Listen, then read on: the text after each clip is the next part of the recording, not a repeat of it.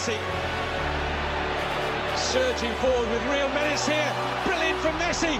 Oh, what a goal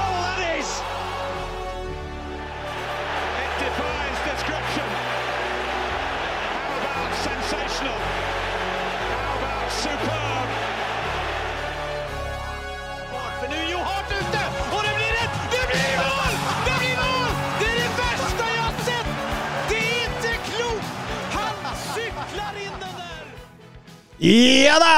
Og velkommen til episode 223 av den eh, infamøse fotballpodkasten 90 minutter. Jeg heter Thomas eh, Edvardsen, og med meg i studio har jeg som vanlig Mats Granvold. God, God kveld. og Søren Dupkey. Hallo, hallo. Eh, sammen eh, skal vi dra deg gjennom eh, to timer pluss med analyser og diskusjoner rundt helgens runde i topp fem-ligaene. og- Men, men før vi begynner, så kan vi jo spørre om eh, går det bra i kulda? Uh, nei, det er slitsomt, altså. Uh, ja, kulda er ikke et problem, det er det ikke. Det er, det er råflott å mene. Men, uh, men det er litt slitsomt. altså, det å gå tur med bikkja på kvelden, eksempel, det er ikke noe ålreit. Nei. Det er ukomfortabelt. Ja, for du må, du må kle på deg så masse tøy, og, og airpodsa funker et kvarter, og så er dem døde, og så Nei, det er slitsomt. Og så morgenen, da. Mm. Ut i den jævla bilen om morgenen. Det er slitsomt, altså. Kald og jævlig når Ja, du setter deg inn. Men jeg eh, også er litt sånn, nat- noe sånn hva heter det for noe, sånn natursvin som starter bilen litt før jeg går og setter meg inn. Ja, ja, Jeg, jeg, ja, jeg, jeg er såpass Stemmer ikke MDG, du. Jeg gjør ikke det. Nei, Nei, nei. jeg gjør ikke det. Eh, og det er ene og ene egoistisk for at jeg skal kunne starte dagen litt artigere. Ja, deilig, deilig. Uh, men, men, men du snakker om et kvarter med bikkja. Søren Døfker, han sitter 90 minutter på Nadderud, han. Ja, det er et mirakel at jeg dukker opp her i dag. Fordi jeg, jeg trodde seriøst jeg skulle fryse fast ved setet mitt. Så kaldt var det. Å, herregud. Var du med og sang i Oslo by, eller? Nei, nei, jeg, jeg synger jo ikke. Jeg er nøytral på den kampen. Nei. Ja, men hvor satt du? Jeg satt helt, helt, helt ytterst på hovedtribunen. I, eh, I første rad, felt 201. Ja, men når, når du står og ser fra kameravinkelen, satt du på høyre eller venstre side? Hvil- Ja, det er kamera mot, mot den Jeg sitter over supportertribunene der. Over innbytterbenkene sitter kamera. Ja, nei, da sitter jeg helt ut til venstre. Liksom de siste, okay, de siste ja, plassene nederst som Med er juniorsupport der? Nei, nei, det var ikke noe juniorsupport. Jo, på junior, Stabæk juniorsupport sitter det helt Nei, var, var, det- er det det, ja? Ja. Ja, ja. Nei, det, nei jeg veit ikke. Det var Ja, da så jeg deg ikke. Jeg så det var noen sånne enslige folk som satt på høyresida, nemlig, men da Nei, nei, nei vi satt, eh, vi satt på, på venstre. Det var godt med folk der, men uh, det, var, det var helt fint å sitte i første rad, for da slapp vi å stå. Eller Nei, hadde kanskje vært best å stå. Vi satt på første rad, for da slapp vi å stå. Ja, ja. ja men hvis, hvis folk foran reiser seg, så må de jo stå, de òg. Ja, det, nei, det er klart det, men, men, men slår jeg ikke underveis i kampen der at den kunne du sett på TV under et pledd med fyr i peisen og kanskje et rødt glass i handa og Jo, men altså, jeg, jeg, altså, jeg syns jo fotball på TV er gøy, men eh, jeg digger jo fotball på stadion. Det er det beste jeg veit. Selv i ti minus. Ja, altså Det begynner å bli, å bli godt og kaldt. Jeg gleder meg til Sandefjord nå på søndag. Skal jeg selvfølgelig på årets siste bortekamp, men eh, ja, kaldt blir det. Tenk, han er, han er ivrig! Ja, det er slitsomt. Altså, vi trener jo året rundt, ja. og, men, men da går du, beveger deg, du skriker, du blåser i fløyta, alt jeg på å si. Du, du er i aktivitet, da. Og sitter rolig på en fotballkamp, det, det er hardt. det, det, det, er bedre når jeg ser LSK, for der står jeg jo og synger. Det er jo aktivitet, jeg òg. Ikke like mye som jeg, hvis jeg skulle trene og sånt, men det, det går bedre. Jeg Du er ikke like aktiv på trening som du er når du står og synger kamp? Nei, nei, jeg er mer aktiv på Ok, trening. Jeg er mer aktiv på trening. Okay. Men, uh, men det hjelper å, å være i bevegelse, og at kroppen holder deg varm og man ikke blir så kald. Og så står, hjelper det også å stå i en klynge.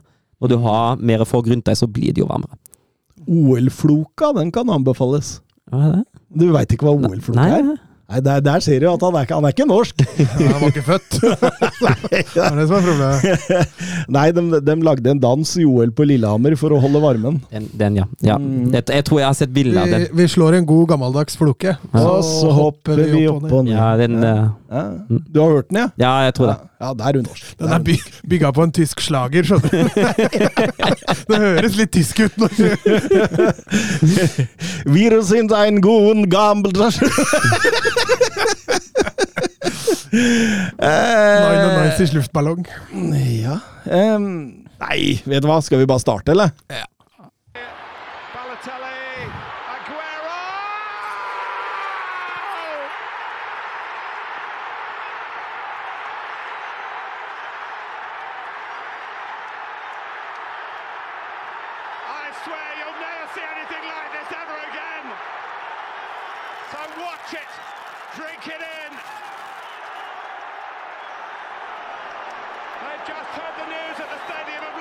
Ja, vi, vi Der mista jeg stemmen. Vi begynner med Manchester City-Liverpool. Storkampen. eh, Mye spørsmål rundt Erling Braut Haaland, om han skulle være klar, men, men det var han. Og det, det var en gang Pep Guardiola sa hvis man spiller en åpen kamp mot eh, Liverpool, så blir man drept. Men jeg syns jo faktisk de begynner ganske åpent her. Ja, jeg syns det. Uh, jeg er ganske offensiv fra start. Går egentlig rett i strupen helt i, i starten. Eh, fungerer jo ganske greit i kontradekkinga òg, syns jeg. Eh, det har jo kanskje vært litt den store svakheten til City så langt i sesongen, at de ikke kom seg godt inn i kontradekking og har svikta litt der uh, innimellom. Men mot Liverpool syns jeg det i store perioder i første omgang ser, ser fint ut. Mm. Mm. Ja, det er, det, det er lite Liverpool får til i, i første omgang der. Ja, da, altså City er jo ekstremt gode i gjenvinning høyt i banen der. og og, og Liverpool kommer seg, kommer seg ikke ut. eh, og, og City tør å stå høyt og, og, og ønsker helt klart å presse dem bakover. Jeg, jeg må jo si Det var fryktelig artig fotball, for Liverpool ville virkelig fram altså, når de fikk ballen. Det var ikke sånn at de prøvde. Så det var to lag som, som ville angripe, men det var ingen tvil om at det var City som hadde føringa i starten. Mm. Og Jeremy Doku, han Han danser. Ja, han danser. Men, men jeg syns jo altså, han, har jo, altså, han er jo farlig med ballen men jeg syns avleveringen i den kampen der Jeg syns ikke han treffer godt på de. Er det Eh, gode gamle Venitius, egentlig? Ja, det. For det ser, det ser jo bra ut, men, men så innimellom så tar han så tar han en finte for mye, og så er ballen borte. Så innleggene hans syns jeg er ganske upresise. Og så velger han etter min smak litt for ofte den der 45 inn i halvrommet. Eh, Der du egentlig setter en spiller i en litt dårligere innleggsposisjon enn den han sjøl var i.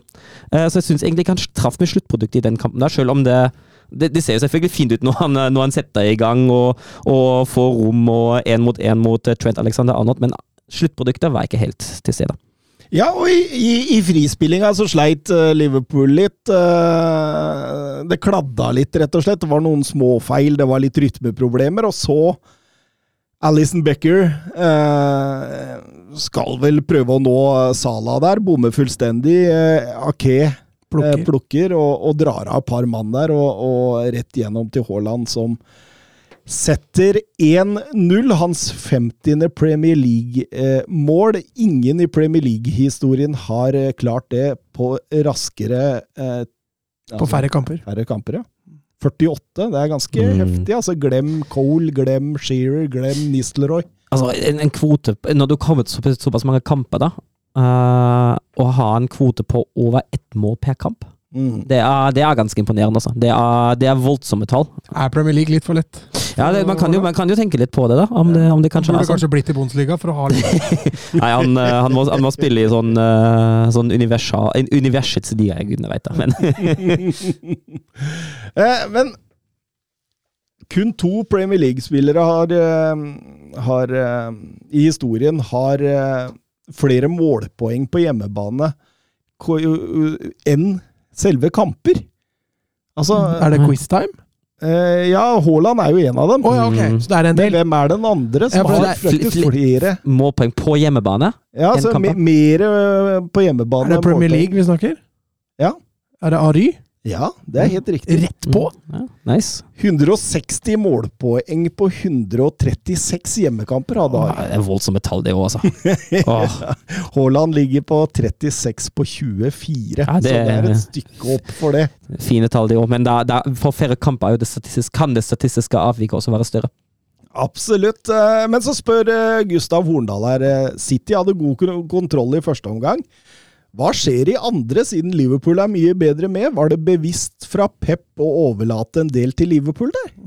Altså, Jeg syns Liverpool er mye mer konsekvente på å hoppe over et ledd når de vinner ball. Eh, den blir litt mer direkte. Darwin Junior, Salah De får litt mer å løpe på også i bakrom. Eh, og de er mer bevisste på det, at de skal ikke nødvendigvis måtte kontrollere ballen framover i banen. Eh, og når City da står høyt, så er det jo selvfølgelig en del rom når de får eh, spilt av der hvor Rodry ikke er. Eh, og Jeg tror nok ikke det var bevisst av Pep, at det var det som skulle skje.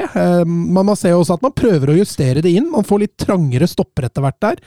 Nathan Akay, Kyle Walker blir, blir færre bidrag offensivt. Men han sliter litt med å finne ut av det når Liverpool vinner ball. De er ikke like gode i gjenvinninga da.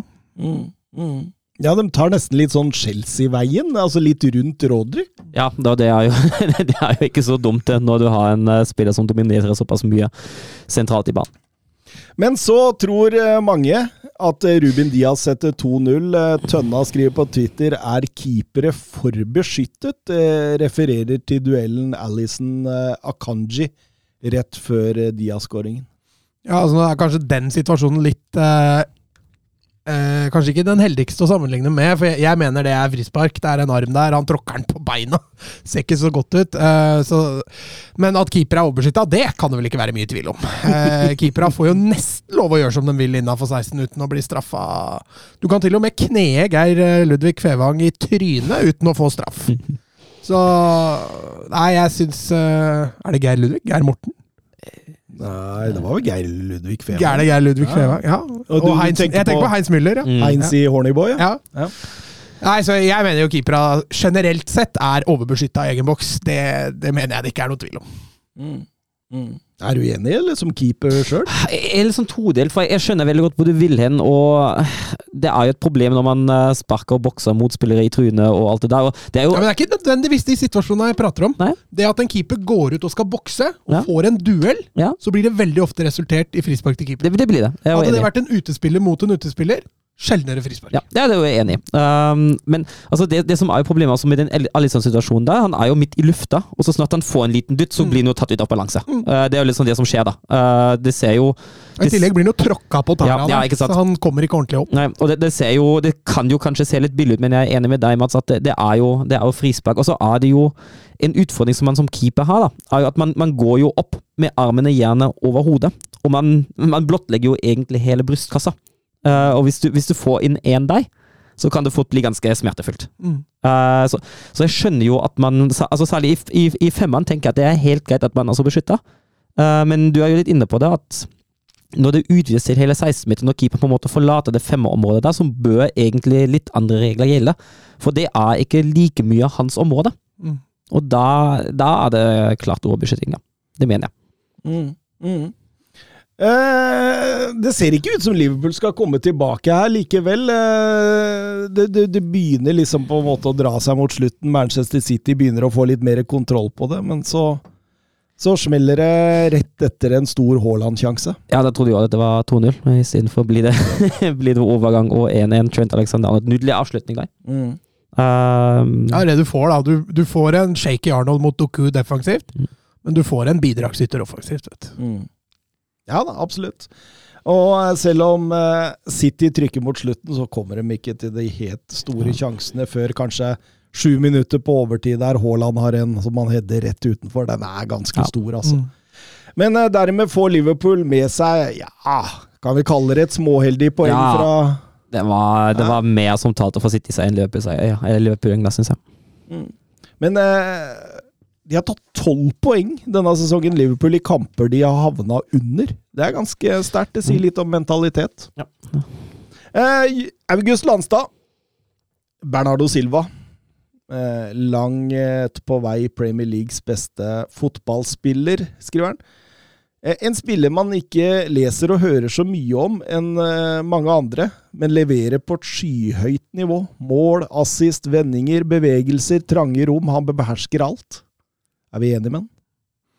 Ja, det var, det var en, et utsagn, det var ikke et spørsmål. Ja, ja, ja. Nei, han spør vel egentlig om vi er enige om at han er en av Premier Leagues Eh, beste. ja, han er en av de artigste, deiligste fotballspillere man har, og du ser også at Pep eh, har ikke noe problem med å bruke han i store kamper. Og, altså, han har et herlig tyngdepunkt, en tyngdeoverføring. Han, er ikke, han har ikke sånn super maksfart, men han har, han har så god balanse da, at han, han kan nærmest bevege seg, bevege motspilleren ut av balanse. Eh, Venstrebeina hans er jo nydelig, og en kreativitet som, som kun det er De Bruyne som matcher i City, tror jeg. Så han er veldig, veldig behagelig å se på. Ja, altså I den kampen her, og hvordan han eh, gjennom sine bevegelser og gode posisjoneringer åpner pasningskorridorene, slik at han kommer, kommer seg inn i mellomrom og blir frispilt i mellomrom gang på gang. Ja, Sterkt. Og det er, det er høy fotballintelligens. Ja, nei, jeg, er veldig svak for den, faktisk. Eh, vi går over til eh, Newcastle mot eh, Chelsea. Porcetino på tribunen med tre gule kort. Åpner ganske jevnt. Bra tempo, bra intensitet. Eh, Alexander Isak setter eh, 1-0. Stirling på et fantastisk frispark setter 1-1. Og man tenker jo Chelsea på mange måter er, er på vei inn i matchen der, da, men da, da setter Newcastle opp et gir som på en måte Chelsea rett og slett ikke klarer å følge med på. Nei, det blir jo, det blir jo veldig høy gjenvinning. Det blir høyt press. og klar, Chelsea klarer på en måte ikke å etablere noe spill. Jeg Jeg syns det begynner jo så smått allerede før, før 0. For jeg syns jo at Chelsea de første ti minutter begynner de å styre kampen, mens Newcastle ser veldig direkte ut. Uh, og så etter sånn ti minutter kommer Newcastle seg bedre og bedre inn, kommer høyere og høyere i banen, etablerer seg der. Um, og så er det jo ene, det, det kommer jo etter en overgang kommer etter en tidlig ballmiss at det lages frispark i det hele tatt. Uh, og, og, så er det liksom det det er, da, at Chelsea en sjelden gang kommer seg forbi presset og egentlig ikke etablerer så mye eget spill lenger. Mm. Jeg trekker fram assisten til Miley der på, ja. på 1-0. Uh, den, er, den er fantastisk av en 17-åring som uh, jeg tror fortsatt han bruker bleier, faktisk. Så han, at han har den oversikten og roa der, det, det, er både overraskende og veldig bra. Og så trekke fram cornertrekket på treen for det til Newcastle der. For den har du stått og dunka mm. dødballer inn hele matchen, og så plutselig tar de en vending. Fryktelig svakt av Chelsea, selvfølgelig, men eh, godt utnytta. Ja, altså, Tiago Silva var jo totalhavari ja, ja. altså er det jo liksom den venstre sida til høyre til, til, Newcastle og venstre sida til Chelsea. Uh, Korea blir jo ofte satt i dilemma der. Trippier kommer jo veldig, veldig høyt i banen og, og, slår jo innlegg etter innlegg. Uh, Stirling uh, hjelper jo Korea lite i den kampen da defensivt, og da, det blir vanskelig. Jeg sa, jeg sa 3-1, jeg mente ja. 2-1. Bare den skåringa. 3-1 hvor Silva har det havariet. Stemmer det. Men, men uh, Men uh, det er jo de to minuttene der som blir skjebnesvangre. Da Newcastle setter både 2-1 og 3-1. Da har Chelsea gitt det bort på et par minutter der. Uh, på, på, på, bare, på, egentlig eget ja. ja. tøys. Ja. Det, er, det, er, ikke det at Newcastle er fryktelig gode i den perioden. Altså, de er bedre de, de får inn det der St. James'-presset sitt, som de er så ekstremt gode på på hjemmebane. som kanskje, men, men Chelsea var liksom ikke voldsomt under press der. og når de bare først får den dødballen hvor de ikke følger med, bare én vending, og så blir det masse høl. Det skal jo ikke skje. Og så har du den der eh, Tiago Silva-blemma, så ja, altså, Og så hadde jo Reece James ti minutter seinere òg. Ja da, men da er jo på en måte kampen litt ja, ja, avgjort, føler jeg. Jeg føler at det der eh, Newcastle har fått supporterne bak seg, og, og de bare trøkker på der, og Chelsea Så når Reece James får den av utvisninga, så føler man jo egentlig at det er avgjort. Gordon setter 4-1 der, kanskje banens beste spiller. og mm. Og Newcastle eh, feier eh, Chelsea av banen. Eh, Steffen Hansen, ryktene sier at Pochettino får sparken om det ikke blir Champions League. Høres veldig rart ut, skriver han. Ja, det, de gjør det. Men det, vi har jo vært litt inne på det før sesongen, at hvis du ansetter Pochettino, så ansetter du igjen en pottetype. Du ansetter en som bygger noe. Du ansetter ikke en som nødvendigvis garanterer suksess fra dag én. Uh, og nå var jo riktignok den kampen her et skritt tilbake for Chelsea, uh, med tanke på prestasjon. Um, men jeg syns jo at hvis man ser utvikling fra sesongstart sett under ett, så har jo utvikling til Chelsea vært positiv. Uh, og det hadde vært fryktelig merkelig å, å sparke hvis den utviklinga fortsetter. Uh, for, og det blir en femte-sjetteplass? Ja, ikke sant. Uh, fordi jeg syns jo at Chelsea ser jo, sett under ett, ut til å være litt på riktig vei. Uh, men på den andre siden sitter Todd Boiley og man veit jo aldri. Jeg mener jo også at, uh, at uh, Potter blir jo sparka jeg begynte å se bedre ut, men da var jo resultatene ikke på plass. Det blir jo som om du eier eh, Granvolls varmepumper, da, og du omsetter for 10 millioner i året, og så tenker du at nå skal jeg øke omsetninga, så jeg ansetter Thomas Edvardsen for å, for å doble den. Men hvis du ikke når 20 millioner innen neste årskvartal, så, så sparker jeg deg. Og hvis jeg da åpner 17-18-19 mil, da Og har lært masse. Ja, så så skal jeg likevel få sparken, for jeg nådde ikke de 20. Det, Ja, det er jo det- helt meningsløst. Nei, i hvert fall når Søren Dupker er ledig på markedet. Så håper jeg For han er jeg ganske sikker på hadde solgt for 20 millioner. Altså. Kan så, selge sand i Sahara. han. Det hadde han klart. Sender du inn han kunne det til faen ikke å si nei der. Altså, når han står og snakker på andre time. innpå- De kjøper jo bare for å bli kvitt.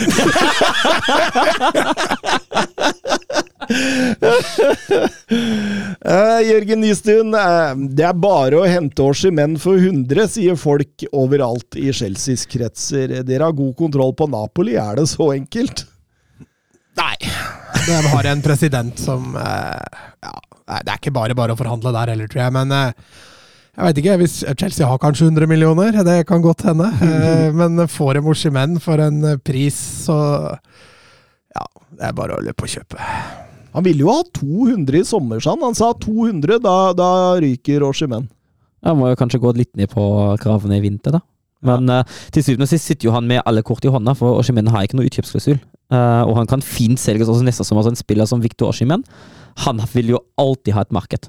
Uh, så det, det kan, bli, kan bli vanskelig og tøffe forhandlinger om han prøver seg nå i vinter, altså. Ja, men du så altså presencen han når han kom tilbake nå i helga. Skal vi sikkert prate om det etterpå, men hvor viktig det plutselig var å få han tilbake igjen. Altså, det er en helt annen type enn Niklas Jackson å ha der, altså, hvis de får, får det der til å funke. Så, eh, og det er jo akkurat det de mangler. Så får vi se hva Chelsea har å rutte med for å, for å forsterke seg der. Og Aurelio Di Laurentis, han har jo han har jo bevist tidligere med Kolibali at det er ikke Han, han slipper dem ikke med det første, så Nei, det, det er vel ikke bare bare, men eh, Nei, det, det, det, er vanskelig å si at Chelsea ønsker Oshimen, og at Oshimen ønsker Chelsea. Den, den kjøper jeg nå. Jeg tenker jo kontrakta ut i 2025. Det har skjedd ting der. Mm. Det kan godt hende han blir litt billigere enn de 200. Men jeg kan ikke se for meg 100. Nei, det, det- det, kan bli 100 neste sommer, under noen omstendigheter, når de må selge, og det er sånn siste mulighet å selge den. Eh, men nå i vinter tror jeg sånn er dyrere enn 100. Yes, vi må over til Brentford Arsenal. og det, det, det, det, det var ikke så mye å si om kampen der. Det er et Brentford som ligger i, i lav blokk. Eh, De kontrer, de har et par store sjanser, men Aaron, Aaron Ramsdale gjør så godt han kan da, for, å, for å hjelpe dem der. Han får det ikke ett til. Men. Nei, men det er, det er jo liksom det er sånn som vi har sett de siste kampene av det, ikke? Jo, det er jo Det, det. det går jo litt sånn, litt sånn på det samme som vi har snakket om de siste episodene, at man, eh, man sliter med å bryte ned. Det er, det er dobling på kant, det er, det er trangt i mellomrom, eh, og da, da får altså problemer. Altså, der, altså, det blir så synlig, det Sjaka-tapet. Mm. For hver kamp som går nå, så blir det bare mer og mer synlig at, eh, at han har dem ikke erstatta i det hele tatt. Altså, det er nesten et høl der. Mm. Så eh, Nei, der må de kanskje finne på noe allerede i vinter, altså. Men for all del, Arsenal har gjort det meget bra resultatmessig, poengmessig, på tross av det de har prestert. Så at de henger med i toppen der, eh, uten å være helt der oppe hvor de var i fjor, det skal vi absolutt ikke glemme. altså. Kai Havertz av alle setter eh, 0-1 rett før slutt. Da har til og med Arsenal hatt to redninger på streken. Så. Ja, altså, den, den til Zechenko er enorm. Mm. Å, herregud. Eh, Jakob Hoff spør om det er vendepunktet for Havertz. Ja, det er altfor tidlig å si, men eh, ja, altså, det er jo sånn det er gjerne i fotball. da. En scoring, en god prestasjon, en, noe som dytter det litt din vei. Eh, problemet er at jeg veit ikke helt om Havertz starter igjen neste kamp. Jeg tror han dratt er på benken igjen. Altså. Ja, altså, altså er det noe med altså, Det er jo i tillegg også vanskeligere å skinne som Arsenal-spiller nå, da, i den offensive rollen som han har. Uh, så det er jo jeg, jeg kan ikke se for meg at det er han som plutselig er den, uh, den presencen som, som du etterlyser i Chaka, som de har mista. det, det er ikke en rolle som Kai Havertz nødvendigvis kan innta. Eh, og Hva med som Bekka? Tror du han funker? det har nei, absolutt ikke. Det har vi lært i landslagspausen, at det er ikke en god idé. Men, uh, men det er, altså når, når angrepsspillet er såpass haltende, så, så sliter jeg med å se for meg at det er Kai Havert som skal være den, den avgjørende faktoren at det blir bedre, da, alene. Så er det jo sånn, vi veit jo altså Kai Havertz har jo skåret mål i Chelsea også, i, i, i eh, Jevne mellomrom. Ja, Jeg skal skåre i Champions League-finalen, til og med. ja, han avgjorde jo den. Ja. Så han har jo mål i seg, det veit man jo. Og man vet jo også at i Kai Havertz så bor det en potensielt eh, fantastisk eh, fotballspiller. Men jeg er litt mer usikker på om det bor en fantastisk fotballspiller i Kai Havertz i Arsenal. Jeg, jeg veit ikke. Altså, som, som jeg har vært inne på tidligere, den rollen eh, han er best i, den, den får han ikke. Nei, altså, jeg vet ikke, Har Arsenal den tierrollen? Nei. Nei, nei, nei. Så nei, dette har vi snakka om før. Jeg, jeg tror ikke det er et ven umiddelbart vendepunkt, i hvert fall. Jeg tror fortsatt han trenger tid og stunder. Men eh, Geir Halvor Kleiva han spør mange sier jo at Arsenal ikke har vært så bra denne sesongen. Likevel så leder dem ligaen. Eh, hva er det som de da gjør bra? Altså, de er jo ekstremt godt organiserte. Mm. Eh, de er bra balanserte, og de har mye ball høyt i banen, sånn at motstanderen får en lang vei fram. Men problemene de har, ser du jo også, som du nevner, Søren, i, i denne kampen. altså og jeg kikka litt på det. Sist sesong hadde de en XG per kamp på 2,13 eh, for og 1,13 imot. Eh, denne sesongen har de med XG på 1,71 for og 0,9 imot. Altså XG har synket eh, vesentlig for og nevneverdig imot. Mm. Og jeg tror jo det har to forklaringer på disse to. Den ene er at flere lag har funnet ut at eh, de kjører en tidlig sikringsspilling på eh, Saka og Martinez. Martinelli. Eh, Så tar man jo bort ja, Martinelli, ja. Så tar man bort kartalysatoren i laget, rett og slett. Man nærmest eliminerer Arsenals største trussel. Det ender ofte med at de sentrer en støttepasning, eller trekker seg innover i den sekken, hvor, og så står de der og tråkker og tråkker og tråkker. og tråkker. XG mot-forklaringen, det er Declan Rice. De har fått inn en type som liksom er litt liksom proaktiv, som adverger sjanser før de blir sjanser. Eh, en som kan balansere, han leser spillet godt. Eh, eh, kanskje den beste i verden på akkurat det, å være litt sånn i forkant av situasjonen. Ja, han og Rodry er, Ja, er gode der. Så ja, jeg, jeg, jeg, jeg tror det er det det handler om, da, og at eh, kanskje ikke Arteta helt har funnet noen vei utenom det å, å, å komme rundt på kant og starte på en måte mange av angrepa der. Ja, det er, altså, vi, jo, vi må jo også nevne altså, Det har jo vært marginer for Arsenal òg. Det har jo vært en del jevne kamper som Arsenal uh, som har, som har bikka litt Arsenals vei. Uh, Så, ja, bare i denne så Ja, ja. kunne de jo faktisk ha to imot Ja. seg før de satte én der på slutten. Og jeg, jeg syns jo, synes jo også de så spillemessig bedre ut i fjor, da de var med i toppen. Jeg syns det, er- det er dårligere nå. De har en sentral, defensiv sentrallinje der som er veldig imponerende. Altså Declan Rice, som du nevner, har jo vært fantastisk så langt. het Helt der oppe som årets kjøp. Og, og, en, og en Saliba som fortsetter der han var før han ble skada. Eh, så har de to stykker bak der som er vanskelig å bryte ned. Så defensivt så syns jeg Arsenal ser om mulig bedre ut enn den de gjorde i fjor. Men det er offensivt, hvor det, hvor det skorter mye mer. og eh, de, Jeg tror ikke de blir seriemestere på det de leverer nå. De, de må finne ut av det offensivt, altså. Mm. Ja, de må ha litt flere strengere å spille på eh, etablert eh, offensiv, rett og slett. Um, Det hjelper å få Jesus tilbake nå. altså Det ser du, Han er et uromoment, selv om han skårer jo ikke mål. Men, eh, men, men, men det er en streng til å spille på offensivt, da kontra Ja. Anketia, som, som er bare en som dytter ballen over, mål, over linja. Uh, over mål. Uh, mens Jesus er en som kan bidra også i oppbyggende spill. Han kan bidra i etablert. Uh, så, så det gir jo en, en ekstra dimensjon. da. blitt litt mer skada nå, Jesus òg. Mm. Eh, ja, ja. Eh, Tottenham, Aston Villa. Nye skader, nye suspensjoner. Sarr og Bizuma ute til den kampen. Eh, gjør at Tottenham spiller med fire bekker bak. Hele trioen på midten er ute, pluss eh, Richarlison. Og i bunn og grunn hele sentrallinja borte der, og da, da må, må Boster Koglu på, på tegnebrettet finne fram gamle travere som Bryan Gill og, og Lo Celso.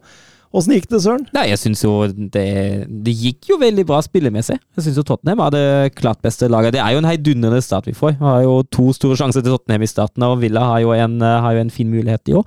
Uh, men Tottenham ser jo veldig bra ut. Eh, Villa, du, man ser jo hvor redde Villa er for at Tottenham kombinerer seg inn i mellomrommet. Det er ekstremt lite avstand mellom uh, midtbaneleddet og forsvarsleddet. Uh, det betyr også at det er ekstremt mye rom bak forsvarsleddet. Uh, og da kommer Tottenham veldig til sin rett med de kjappe spillene som de da har til rådighet. og da blir det jo en god del, god del sjanser. Når Lo Celso setter inn 1-0 etter halvspilt omgang, så er det ekstremt fortjent at Tottenham leder det. Mm. Ja, da kunne det vært to-tre allerede, Mm. ja. og så, rett etterpå, Mats Granvold, så kommer den store snakkisen eh, for kampen. Eh, Torjus Hansen skriver eh, Matty Cash fullfører taklingen halvveis bakfra når ballen er én meter unna. Hvorfor griper ikke VAR inn på sånt? Nei, altså, Jeg skal være så ærlig at jeg lukker øya når det der skjer, så jeg, jeg har ikke sett det. Uh, eneste jeg lener meg på, det er harnisken du har innleda det med, og at uh, Lars Kjernås har sagt at det er greit gult kort. Så jeg, jeg veit ikke helt uh, hvor jeg skal lede hen, men uh, jeg har skjønt det nesten har vært en liten hevnaksjon, nesten et bestillingsverk.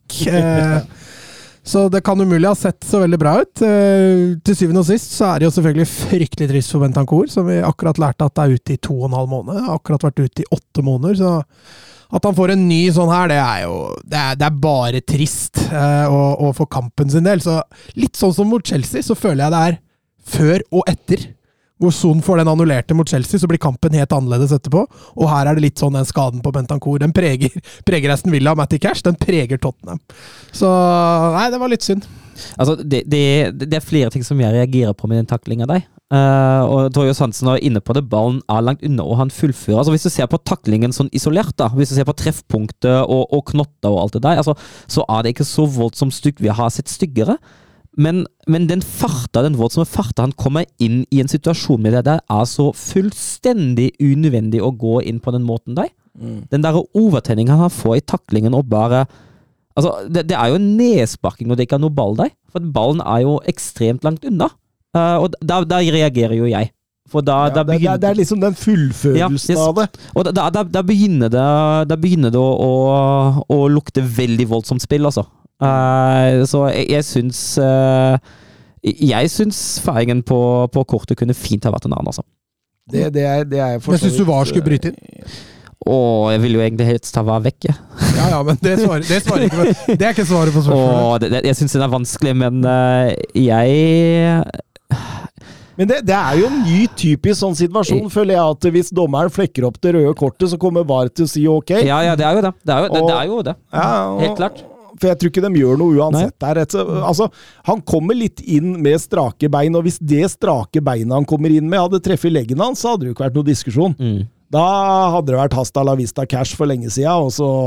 Men, men, men siden han ikke treffer med det beinet, men heller treffer med det andre beinet, eh, så, så, så går det jo da på krafta og farta inn i det, først og fremst. da. Og så At han treffer den i ankelen, det er jo ikke noe fint, men, men samtidig, han treffer ikke med ankelen på det beinet han faktisk satsa taklingen på, tror jeg.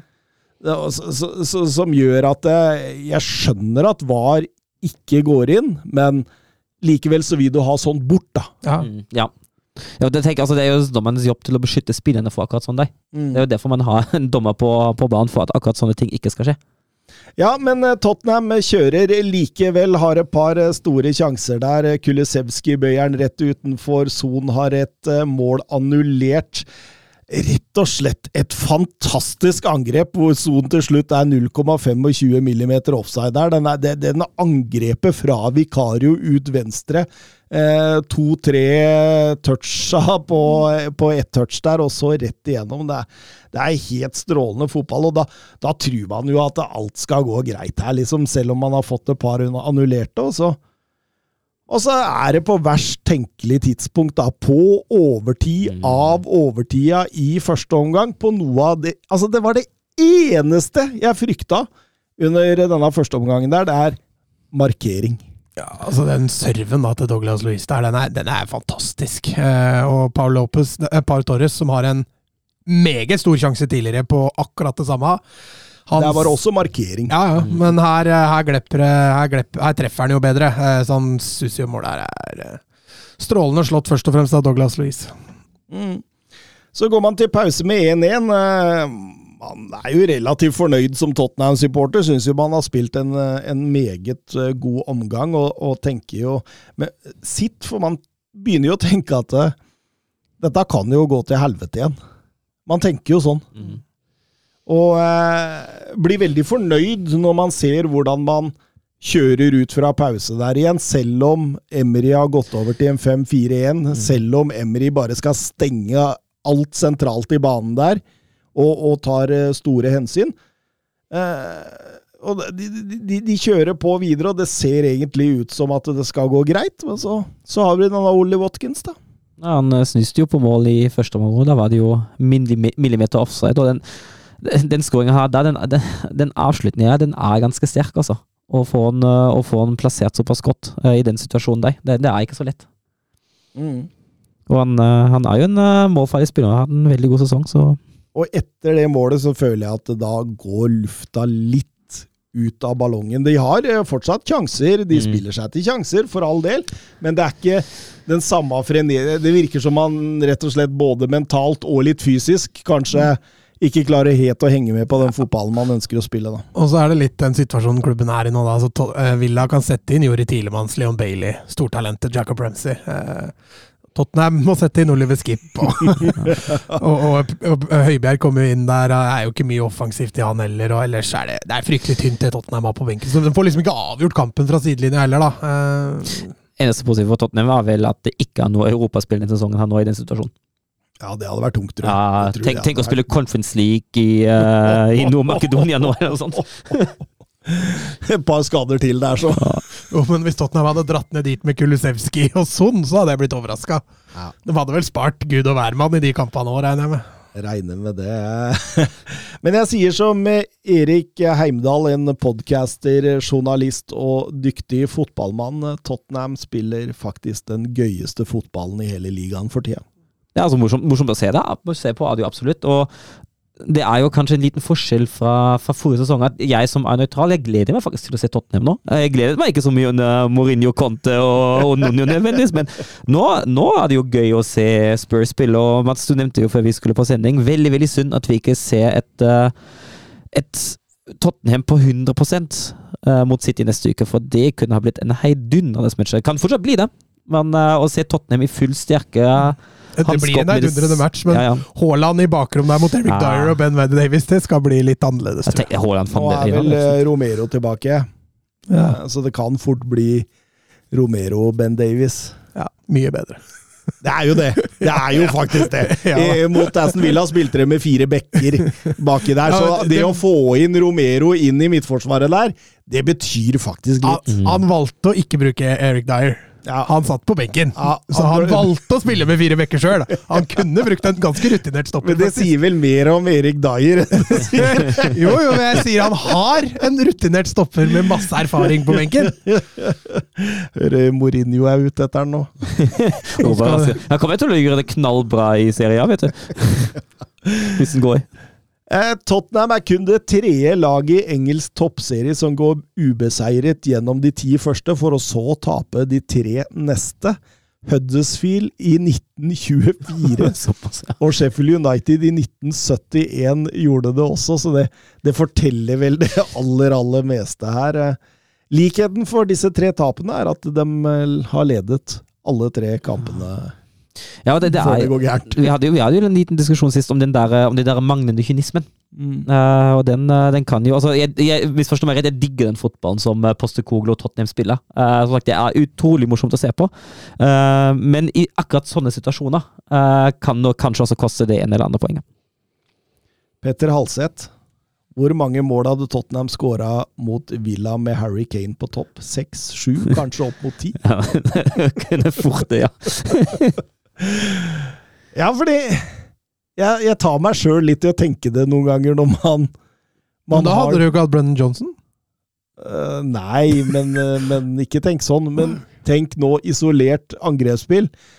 Hvor mange av de sjansene som som gikk rett vest mot uh, Villa, da? Hvor mange av de hadde Kane vært på? Det er, det er, det er nok en to-tre, Ja, altså. det tror jeg òg. Absolutt. Han er jo en, eh, han er jo en avslutter og en målmaskin eh, som få andre. Det blir lett å tenke sånn. Mm. Det gjør det. Ja, jeg syns det er litt vanskelig, for Son tjener, den tjener veldig mye på at Son er så god i bakrom. Men han Og der hadde jo ikke Kane vært like Nei, men- vaktiv. ikke sant. nei, men jeg tror, men jeg tror jeg fint kunne ha brukt de styrkene til Son rundt Kane òg. Hva hva er det du sier nå? At Tottenham ikke savner Kane? Er det det du sier? Ja, altså, for all del. altså En Harry Kane hadde jo garantert styrka Tottenham. Det er ikke det jeg sier, men jeg bare sier spillestilen de spiller nå, med så mye hurtige rett fram-spillere, så hadde jo ikke Kane vært maksimal der. Eh, han hadde jo vært bedre Altså Når de spiller disse klikk-klakk i boks, så hadde jo Kane vært genial. Han hadde jo skåret fra alle mulige vinkler. Men når de skal true gjennom på kant og kjapt inn i boks, så hadde jo Kane ikke like mye kommet til sin rett. Yes, eh, Petter Martin Støvland. eh, Thomas, er det lov å hate fotball nå, eller må vi glede oss over spillet? Og at man ser fremgang hele veien? Eh, Ja, altså Hate spillet er jo alltid lov å gjøre. Jeg tror jeg hata spillet litt på lørdag der, jeg òg. Dere fikk noen meldinger. Ja, men det, vet du hva, det skjønner jeg veldig godt. I din situasjon hadde jeg nok vært rimelig frustrert i år. Det skal jeg så rart du ikke sendte sånne meldinger når Live Wolfsburg vant i helga, faktisk. faktisk. jeg var frista. Eh, men eh, jeg tror ikke man skal hate noe som helst, jeg. Altså, man husker man røk i Champions League med Conte mot AC Milan der uten at man følte man hadde prøvd. Eh, man husker at man knapt nok hadde et skudd på mål med José Mourinho. Man husker Nune Spirito Santo og alle mann i forsvar og, og kun overganger. Eh, jeg tror man skal glede seg over den fotballen man spiller, eh, til tross for alle skadene. Og så, så skal man også vite at dette kommer til å snu litt mer etter hvert. Eh, det, det går jo ikke an å ha så uflaks. og så lite marginer på skadefronten gjennom hele sesongen. Det, den må jo løsne til slutt. Så jeg, jeg, jeg tenker litt sånn, jeg, Støvland, og det syns jeg du skal gjøre òg. Eh, Kim Jansen. Eh, han ønska å lytte til betraktningene Tottenham Villa. Eh, det har vi jo snakka litt om. Vanvittige matcher Tottenham spiller om dagen, men sterk seier av Villa òg, det må han si, sier han her. Snakker vi for mye Villa ned her, eller? Altså Første gangen til Villa er jo på grensa til grusom. Uh, ja, nei, grusom er den ikke, men de gjør noe kardinalfeil, og det skal jo Tottenham ha, for at de justerer spillet sitt. Altså Den blir mye mer direkte når Villa står så høyt.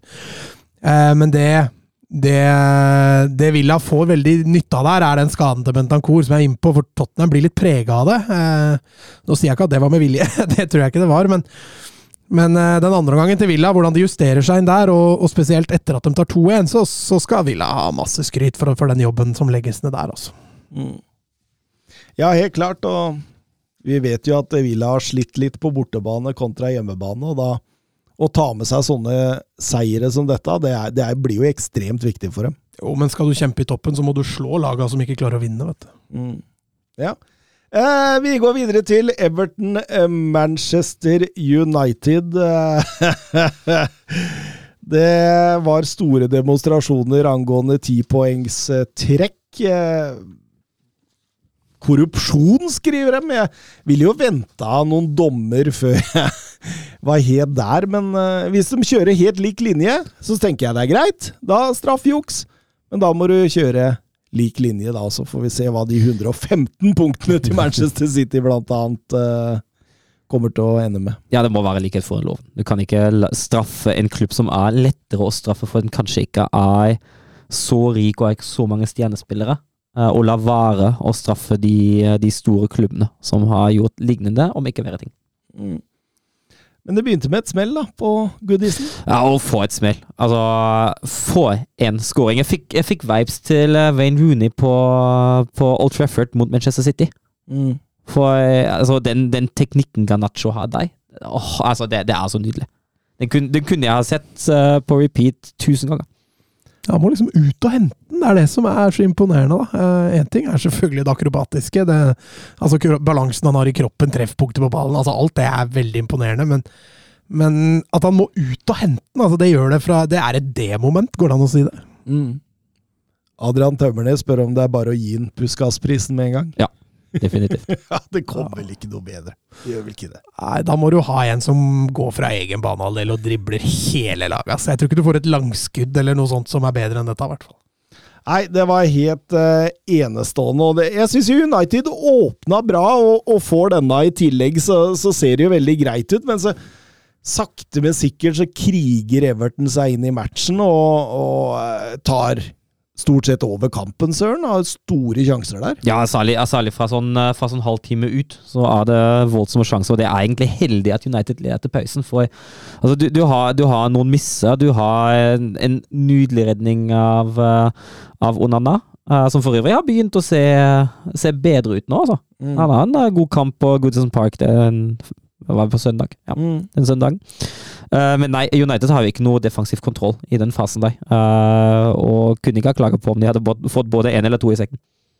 Nei, absolutt ikke. Det var litt sånn alle mann til pumpene der en periode. Nå bare klarerer vi helt frenetisk. Det var eh, Det kokte på Goodison Park der, og ja, eh, de så jo også at Everton-spillere fikk et par billige gule kort der, og, og foreså at Manchester United ikke fikk kort på noe av det samme. altså Det tente litt til der på tribunen, og det tente litt til med Sean Dyche der. og Jeg må jo flire litt av McTominay. Det, altså det virker som lista for gule kort på McTominay at den ligger så jevnt mye høyere enn alle andre spillere. Altså Han løper bare fra situasjonen, han, og så blir det ikke noe kort. Det er én type av United som har ekstremt uh, høy liste på gullkort, altså.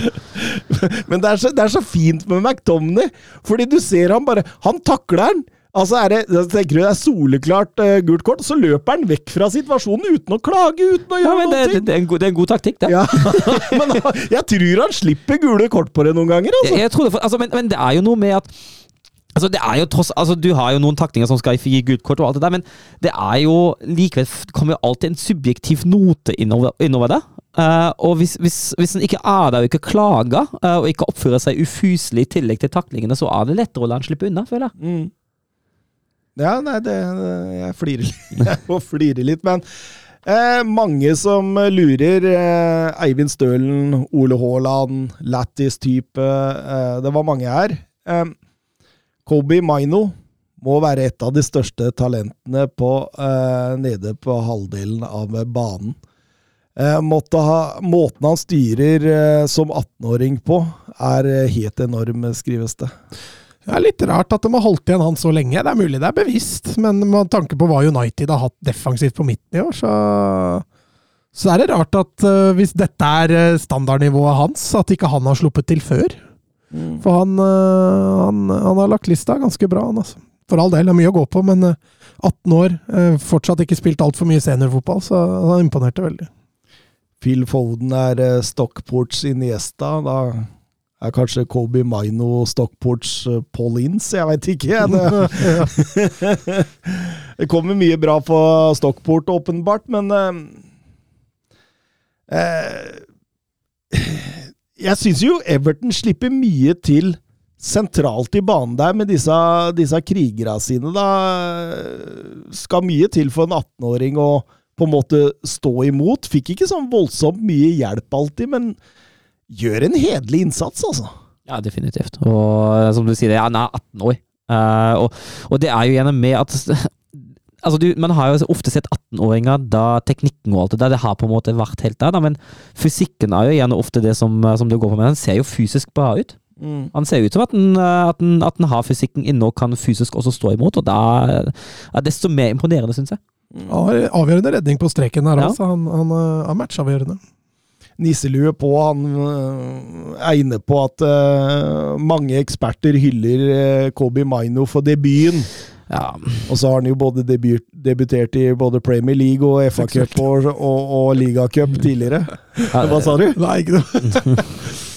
Nei, fortsett. Bare seksuelt? var det? Han har debutert både i Premier League og seksuelt. så Han, han er ganske rutinert, egentlig. er ganske rutinert, men faktafeil og, og, og slitsomme feil, skriver han her. Ja, det er jeg jo enig i. Altså, det, er jo, det, er mye, det, det er jo latskap eh, å, å komme med det der. Og eh, når folk blir betalt for å, få snakke om fotball, eller skrive om fotball Ja, vi gjør det jo Nei, gratis. vi gjør det gratis. Vi kan, Vi kan ha faktafeil. Ja. Ja, ja, ja. Kjør, på! Men um, og da, da blir det desto mer irriterende når sånne enkle ting ikke er i orden. Det er sånne ting som også irriterer meg når jeg, når jeg leser en artikkel eller hører på noe, og så, og så identifiserer jeg en enkel feil. Det er noe som irriterer meg. og Det, det er ikke sånn altså, det, det trenger bare å være at antall kamper er feil. Og så blir jeg irritert, ikke sant? Fordi Ja, ja. jeg, jeg syns det, er- det, det er en så liten ting å sjekke. Jeg, Jeg, jeg, jeg finne husker han debuterte i fjor, jeg. Mm. Jeg tror det var mot Var, du- var du der? på, Jeg debuterte på fotballbanen. Okay, var det den debuten du tenkte på? Jeg tror det var mot eh, Everton eller Leicester eller et eller annet sånt. Det var et eller annet sånt eh, blått lag. Eh, Jeg husker han kom inn som innbytter der. Spilte vel fra start også i en ligacup i fjor, så Nei, det er litt håpløst. Jeg er helt enig med Nisselue på. De får betalt, det er jobben deres, og, og de har ikke informasjon selv jeg sitter på, som jobber eh, på Oslo S, liksom. Ja, nei, nei altså, altså, det, altså, altså, det går jo veldig mye på forberedelser. Jeg følger Derek Ray på, på Twitter, og han poster innimellom eh, notatarkene han har når han skal ut og kommentere en kamp. Han er jo fotballkommentator annet i Fifa, kommenterer med Bundesliga. Og det er imponerende hvor mye informasjon han, eh, han eh, researcher og, og skriver ned, og klarer å lese, faktisk. Eh, men det, det, det går på hvis man, hvis man bruker litt mer tid til å, til å forberede seg der, og som du sier, de får betalt. Da kan man forvente at forberedelsene faktisk er altså noenlunde i orden. Ja, eh, man går i hvert fall til pause med en heldig 0-1 der. Kommer ut fra pause igjen og får et tidlig straffespark. Eh, Ja. Det er av sine egne man skal få det. Ja, Ashley Young. Det, det, altså, det er jo Det er jo en gavepakke som eh, Anthony Martial gledelig tar imot. Eh, problemet er jo at bevegelsen til beinet til eh, Young går inn i løpebanen til Martial. Uh, Martial løper ikke inn i ham ved å skifte retning, men han, han nekter rett og slett å skifte retning og, og ta imot at det er bevegelse av Youngs bein mot Marcials løpebane, og da, da blir det straffespark. Men det er da òg. Den første som var borte hos dommeren og klaga.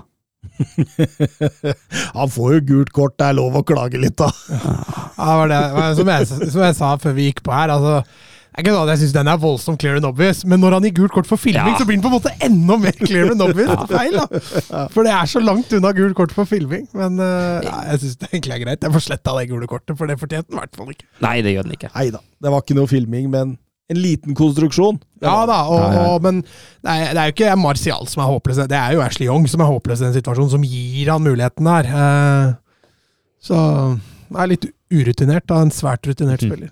Ja, eh, rett etter har eh, Ghana Gay en fantastisk eh, avslutning som eh, Onana Eh, Det er verdensklasse når han er oppe og, hedde, og redder den der oppe i hjørnet. Og så, så er man litt tilbake der man var igjen med at eh, lufta har gått litt ut. United har bedre kontroll og kontrer i 0-3. Ja, er- etter den, etter den sjansen der, så, så er det god defensiv kontroll. Så Everton de har noen langskudd, men det er egentlig det. Det er ikke så voldsomt mye.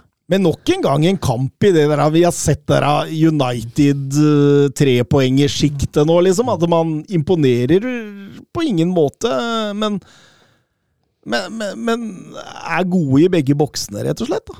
Mm. Ja, pluss at Everton ikke er veldig gode i sin offensive boks. da, så Calvert Lewin blir jo satt opp i flere drømmeposisjoner for han. Han skårer jo på flere av de der i løpet av en sesong, men mot United så gikk det ikke. Altså, jeg skal si at jeg syns United i frispillinga så, så bedre ut enn det de har gjort på en stund. Eh, De er mye mer fleksible på bekkene eh, når de skal frispille, og det, det hjelper dem helt klart. Men etablert off, så, så ser man fortsatt lite fremgang i United. Og, og det at de lar Everton stå og dunke innlegg på innlegg på innlegg, på innlegg, det er litt bemerkelsesverdig. altså. Det er Faktisk tredje kampen denne sesongen. Everton taper en kamp etter å ha ti eller flere avslutninger enn motstanderen. Mm. Det er ganske sjukt, altså. Det er, det er en syk statistikk. ja. Um, Klas Grønlien har sett mye Manchester United de siste tiden. Eh, felles for eh, alle er at de spillemessig er svakere enn motstanderen, og til dels blir trykket ganske hardt. Er det bare marginer, tilfeldigheter og flaks som gjør at de tar såpass med poeng, eller er de på vei mot noe? Nei, De er ikke på vei mot Premier League-gull med dette, tror jeg. Det, det tror jeg blir vanskelig. Men marginer det er en del av fotballen. Eh, Og du kan ha marginer over ganske lang tid, for du kan Altså marginer, altså Det jeg tenker på med marginer, da, er jo noe du Du kan selvfølgelig bare ha rein skjær flaks, eller du kan krige inn marginer. Og, og det er som du er inne på, United er best i begge boksene. Harry Maguire begynner jo å se ut som en fotballspiller. Eh, og han, Onana, som du var inne på, han, han begynte å redde. Og så har du de spillere og de situasjonene offensivt. Jeg synes at Garnaccio sitt mål var jo ellevilt. Eh, som, som bikker i, i, sin, i riktig retning. Altså, å avfeie det fullstendig, det mener jeg også blir feil, for poenget har de jo tatt. Eh, men, men, United har vært gode i begge boksene, og det er jo det som gjør at de sitter med såpass med poeng som de gjør. Ja, ja absolutt det. Bra i timinga på når de skal score, eh, tenker ja, jeg veldig ofte. At de, de, de scorer i veldig gode perioder av matchene. Tror du Ten Hag sier fra om det? Ja, jeg tror han gjør det. Han sier fra til gutta ok, nå må vi score. I, I, dag må vi ha et tidlig, fordi da går Everton eh. I så fall er det jo fantastiske gameplaner, da. Det må jo nevnes. Um, Nottingham Forest Brighton 2-3. Jeg, jeg, jeg, må bare ta med en Hør her nå. Brighton er det første laget i engelsk toppdivisjon som både skårer og slipper inn mål i 17 kamper på rad. Siden Manchester United gjorde det i 59-60-sesongen. Altså 17 kamper på rad hvor en både har sluppet inn og skåret mål. Det er litt Brighton, egentlig. Ja. det er litt Brighton, ja. Så kan vi også ta med at uh, Bournemouth uh, slo Sheffield United uh, 1 tre, og grunnen til at jeg tar med den, det er at eh, Justin Cloyfert eh, er kun den andre spilleren etter årtusenskiftet som har mål i alle ligaene ja, det, vi følger. Er det Kvisti òg? ja, du kan ta hvem som er første. Ja, det kan du gjøre. Jovetic. Mm, ja, det stemmer. Det stemmer, det stemmer ja. Hadde ikke skrevet det, men når du sa det, så huska jeg det. um, La Liga. Ja. Ja cap a la dreta per Xavi.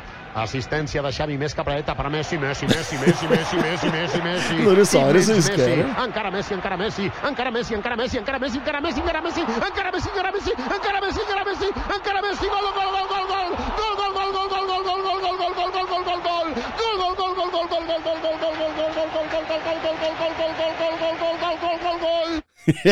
Vi begynner med Rayo Vallecano mot Barcelona. Vi har snakka mye om skadeproblemene til Barcelona de siste episodene. Det var en hyggelig nyhet at Frenkie de Jong var tilbake, i hvert fall. da. Ja, og så var det en hyggelig nyhet at skaden til Arrojo ikke var så alvorlig som antatt. Så det var egentlig bare Gavi-skaden som var litt støkk når man tenker, tenker skader. Frenkie de Jong tilbake var utvilsomt en, en god nyhet. Men førsteomgangen var vel ikke så hyggelig? Nei, men Barca i år i førsteomgangene har vært forferdelig. Altså, det det begynner å bli en trend uh, at uh, Barca sliter i, i førsteomgangen, og den uh, førsteomgangen her var på ingen måte noe unntak. Det gikk, det, altså, alt gikk treigt. Mm. De forflytter seg offensivt treigt, de skal utfordre én mot én, det går treigt. Ballforflytning, alle skal ha to, tre, fire touch på ballen hver gang de skal dytte den videre, og få bevegelser i lengderetning. Ja, for det er jo faktisk Rayo som er nærmest scoring før 0-1 kommer også? Ja, ja, Rayo er det beste laget i første omgang, helt klart. Og det er fortjent når Unai Lopez setter inn et nydelig langskudd. 25 meter må jo minst være noe sånt noe. han tar i hvert fall inn Jaki Penya fullstendig på, på, feil fot der. Eh, det kommer et svært overraskende skudd for et innlegg som kommer ut igjen i returrommet der, og fra veldig skrått hold så dæljer han bare løs. Nei, det, det, er jo fantastisk treff. Den bua, den ballen her, ja. den, er, den er helt nydelig. Han får kanontreff, altså. Og da går man til pause med, med Fortjent 1-0 til Rayo. Ja, mm. absolutt. Ta litt tid før en begynner å, å, få et lite trøkk utover i annen omgang også. Jeg syns altså Barcelona, når de kommer, da, så begynner de å komme seg litt mer rundt på kantene, og de klarer å fylle boksen ganske bra. og da da begynner Rayo å få litt problemer. Jeg syns egentlig det løsner først når Gundogan og Felixen og Rafinha kommer inn, da syns jeg det begynner å bli, se bedre ut med en gang. Får i gang kantspiller skikkelig. Lamin Jamal kommer aldri til sin rett. Ferdan Torres får jo nesten ikke ball når han spiller. Eh, så når de gutta kommer inn, så syns jeg det begynner å se, se, bedre ut. Det blir større trusler, det blir større bevegelser. De er flinkere én mot én. Eh, og som du sier, man kan da gå breiere rundt. Mm. Strekke litt mer på Rayo. Altså, stopperne fikk jo lov å stå i posisjon og bare bare, bare hedde i, i store deler av kampen. Så det kommer et trykk der, eh, ingen tvil om det. Man sliter til å spille seg til de helt, helt store sjansene. Det blir noen tilløp, det blir noen halvsjanser. De får en stor dobbel en der ved var det Rafinha der i stolpen, og så ja. Og så var det vel Leva på returen der, og så og så får de likevel 1-1 åtte minutter før slutt. Med, får litt hjelp. Ja. Nei, det blir vel stående som Lejuan selvmål, faktisk. Så så ja, de får litt hjelp der, men, eh, men altså en fryktelig begredelig fotballkamp igjen. Altså De siste 20 kan godkjennes, men allikevel et Barcelona borte mot Rayo. Barca har jo slitt fælt borte mot Rayo de siste sesongene og blitt en sånn litt sånn marerittarena. Eh, så igjen, en, en svak prestasjon, og, og, nå begynner det faktisk å murre litt rundt, rundt Xavi. Han, han, har vært for dårlig, både med, med å gjøre bytter underveis i kamper og, og, justeringer underveis, men også dette med førsteomgangsproblematikken, da, som, som er nå at Barca Barca starter så treigt, og det har begynt å gå litt rykter nå om at folk begynner å bli misfornøyde. Ja, men Altså supportere, da, vel å bemerke, ikke, ikke spillere. Ja, fordi til tross for alt det Mats sier, eh, de har faktisk tatt 15 poeng eh, etter mål det siste kvarteret. Ja, men altså, det er jo, det er noe med at man forventer jo at et lag som Barca skal være litt mer dominerende. Man skal ikke nødvendigvis komme seg tilbake siste kvarter. Det er litt sånn, litt sånn det at man i det hele tatt setter seg i de situasjonene. At man må kunne slå tilbake hele tida. Mm. Det er jo egentlig ikke som, som Barca skal være. Barcelona er jo et lag som skal dominere i hvert fall 12-13-14-15 motstandere i La Liga, eh, og ikke være nødt til å ta poeng etter sine skåringer. Det er ikke et sunnhetstegn for et lag som Barcelona. Nei, altså, jeg husker jo når Kiki Setien var Barcelona-trener, og vi snakka veldig om at det her er det om å gjøre å ha mest mulig possession. Og, så, og, og, og da, da, hadde de i hvert fall mye possession på motstanderens halvdel. Mm. Eh, mens nå har man på en måte sagt fra seg en del possession, men man er ikke direkte nok i spillestilen, så det mm. blir verken fugl eller fisk, da. Mm, mm. Nei, jeg er helt enig, og det går litt på spillertyper man har tilgjengelig nå, da, selvfølgelig, men eh, jeg er helt enig i at identiteten under, under Chavi den har glidd litt bare lenger og lenger ifra Tiki da, som egentlig skal være Bashas identitet. altså som fotballmann så skjønner man det jo litt, for han har jo ikke mannskapet til å spille Tiki Taka. Han kan ikke spille City-fotball i Barcelona, da vil man få det tøft. Men det er litt som du er innpå, da. Altså nå, du ser ikke igjen noen ting, da. Eh, du klarer ikke å se igjen et tydelig mønster hvordan man skal angripe. Du klarer ikke å se igjen eh, et tydelig mønster på hvordan man skal etablere off. Og i tillegg så har man mista litt den evnen man hadde i fjor til å vinne 1-0. Mm. Nå har man ikke den evnen lenger. Nå blir det 1-1, eller så taper man 2-1. Uh, og det, det, kommer til å gå på bekostning. Og nå drar jo Real Madrid ytterligere ifra, selv om Girona ikke klarte det. Så, så blir jo avstanden opp nå bare lenger og lenger, og det er bare et, vi er på et tidspunkt nå hvor det er bare et tidsspørsmål før uh, man kan si farvel til uh, seriegull. Det vil jo være krise å si farvel til seriegull før man skriver nyttår. Ja, det, det er også noe som Barcelona ikke kan være bekjent av som klubb. Mm. Nei da, vi skal ikke svartmale det helt, altså, men det er fire, fire, eller fem poeng eller noe sånt, så det er ikke mm. Det er ikke kjempemye, men, men der Barca er nå spillmessig, så virker det, virker det veldig langt unna. Da. Altså Real Madrid har ikke noe superkamp i helga, dem heller, men der er det allikevel Det er trygg, da. Trygt, da. 3-0 og god stemning. Ja, ja. Eh, vi må over til Atletico Madrid mot eh, Mallorca. Jeg var på familieselskap lørdag, fikk se resultatet rundt midnatt, og da fant jeg ut at nei, det har gått så mange kamper denne lørdagen at jeg prioriterer annerledes enn en 1-0-seier til. Nei, det skulle du ikke gjort, skjønner du! For det var Nei da. Nei, men igjen, en, en veldig bunnsolid kamp av Atletico Madrid, altså. Eh, burde ha leda både 1 og 2-0 til pause der. Grismann igjen med en fantastisk fotballkamp. Eh, Morata litt av. Og, og, Samuel Lino tilbake igjen, altså har begynt å finne formen. Eh, ser knallgod ut på, på venstre vingbekken der. Barrios får jo bare mer og mer spilletid sentralt, og det ser man jo litt i den kampen her. Hvorfor? Er jo en av de som ikke blir bytta ut. Korea fikk en etterlengta start, var litt, litt anonym, men eh, er igjen en veldig godt gjennomført kamp av, av Atletico Madrid. Grismann der som blir matchvinner med en enorm heading. Eh, fra 14 meter eller noe. Mm. Den var fin. Den var fin. Eh, og fullt fortjent seier til Atletico der. Og, altså, før i, før i, tida, da, under Simione, så 1-0-seire, så var det liksom tre sjanser og skåret et mål, og så var det bare å grinde ut nullen. Her føler man liksom at Atletico prøver å gå for to og tre, da. Og det, det er litt annerledes fra det vi har sett Atletico tidligere. Eh, og Mallorca var den var, den var litt for langt unna. Eh, fullt fortjent til seier der, altså. Noen ord om Grismann, sier eh, Fredrik Stjerna til oss. Ja, han har jo vært helt enorm. Eh, den sesongen han har hatt så langt, har vært eh, helt fantastisk. Eh, han har hatt én-to off-kamper òg. det det var vel Las Palmas borte. Den var helt, Mm. helt katastrofe. Men i store hele har han jo vært Atletico, Madrid, Atletico Madrids viktigste spiller. Ja, Ingen tvil om det. Er, Altså, er, no, er noe pirke på det der 2015-2016-17-nivået sitt, liksom? mm. Ja, bortsett fra at nå han, mer, han spiller mer rutinert òg nå, men samtidig som han har fortsatt bevegelsen. Han har bra frekvens. Så han, han har ikke, alderen har ikke tynga han. Og nå er han jo tre mål unna Luis Aragones skåringsrekord da, i Atletico Madrid, så han, eh, han er i ferd med å bli en legende.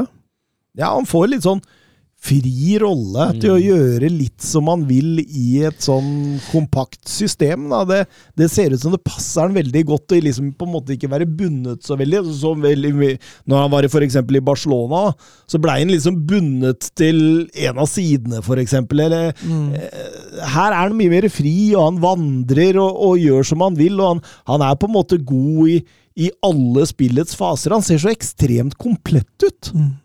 Så det, det er veldig, veldig gøy å følge Grismann for tida. Eh, Real Sociedad mot eh, Sevilla. Vi kan trygt si at Sevilla ikke har fått noe umiddelbar Diego Alonso-effekt. Og om det begynte dårlig for Everton mot Manchester United, så begynte det minst like dårlig for, for Sevilla. Ja, det var en trang, trang fødsel det der. Et, eh, et smart frispark av Baranechea i starten der, som Dmitrovic eh, ikke forventer. Eh, han redder den egentlig, men han slår den i sin egen fot! Så han går i Det blir et sjølmål. Eh, ser jo, altså Han gjør egentlig en ok redning der, eh, men jeg mener jo at han burde vært på tæra. Altså En keeper i keeperhjørnet, den, den skal han ta uansett. Men redninga når han først reagerer, er jo fin, men så kløner han det til sjøl, på en måte. Eh, Jeg har alltid sagt det at eh, mål man ikke ser så ofte, er gøy å se.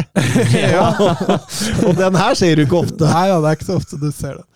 Og så får du Omar Sediq får jo en ellevill Han har ikke Ser ikke den så ofte. Nei, han har ikke eh, skåret i hele år. Han har skutt og skutt og skutt og hedda og hedda. Han får ikke- Men så, når han først skårer, så skårer han en sånn en. Så han får kanontreff der etter et godt forarbeid, som han også gjør sjøl. Så det er jo en 29,3 meter. Ja, det og, og, altså, og, og med så mye kraft, og så plassert i krysset, det er helt uh... Ja, ikke sant? Og da, da leder Real Sociedad 2-0 før egentlig Sevilla har eh, skjønt hva som foregår her. Og Ja, en svak første omgang. Altså, vi er fryktelig dårlige. Altså, de, er ikke, de er ikke på stasjon i det hele tatt. Det er store avstander. Eh, eh, og, og etablert off, de, der er de ikke på nett i det hele tatt. Altså, de har noe kontringstilløp som de kan, kan skape noe på, men uh, en fryktelig dårlig inngang til den kampen av Alonso og Sevilla. Altså.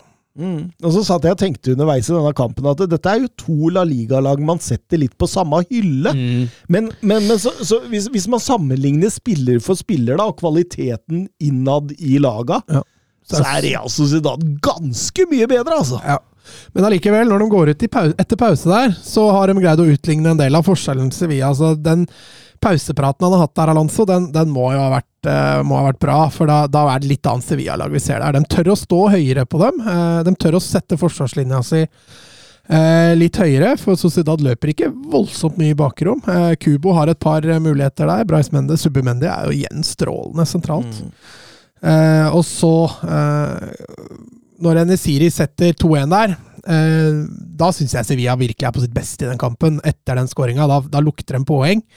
Eh, klarer å trykke bra i, i eh, klarer å trykke bra inn i boksen der. Skaffer en del innlegg. Janusai kommer inn på sin gamle, gamle hjemmebane der, og så fucker de det jo fullstendig opp sjøl på slutten der, da. ja, for André Schjelderup skriver hvor håpløs er det for Diego Alonso når de to mest rutinerte og ledere i laget skal ryke på rødt kort i samme situasjon?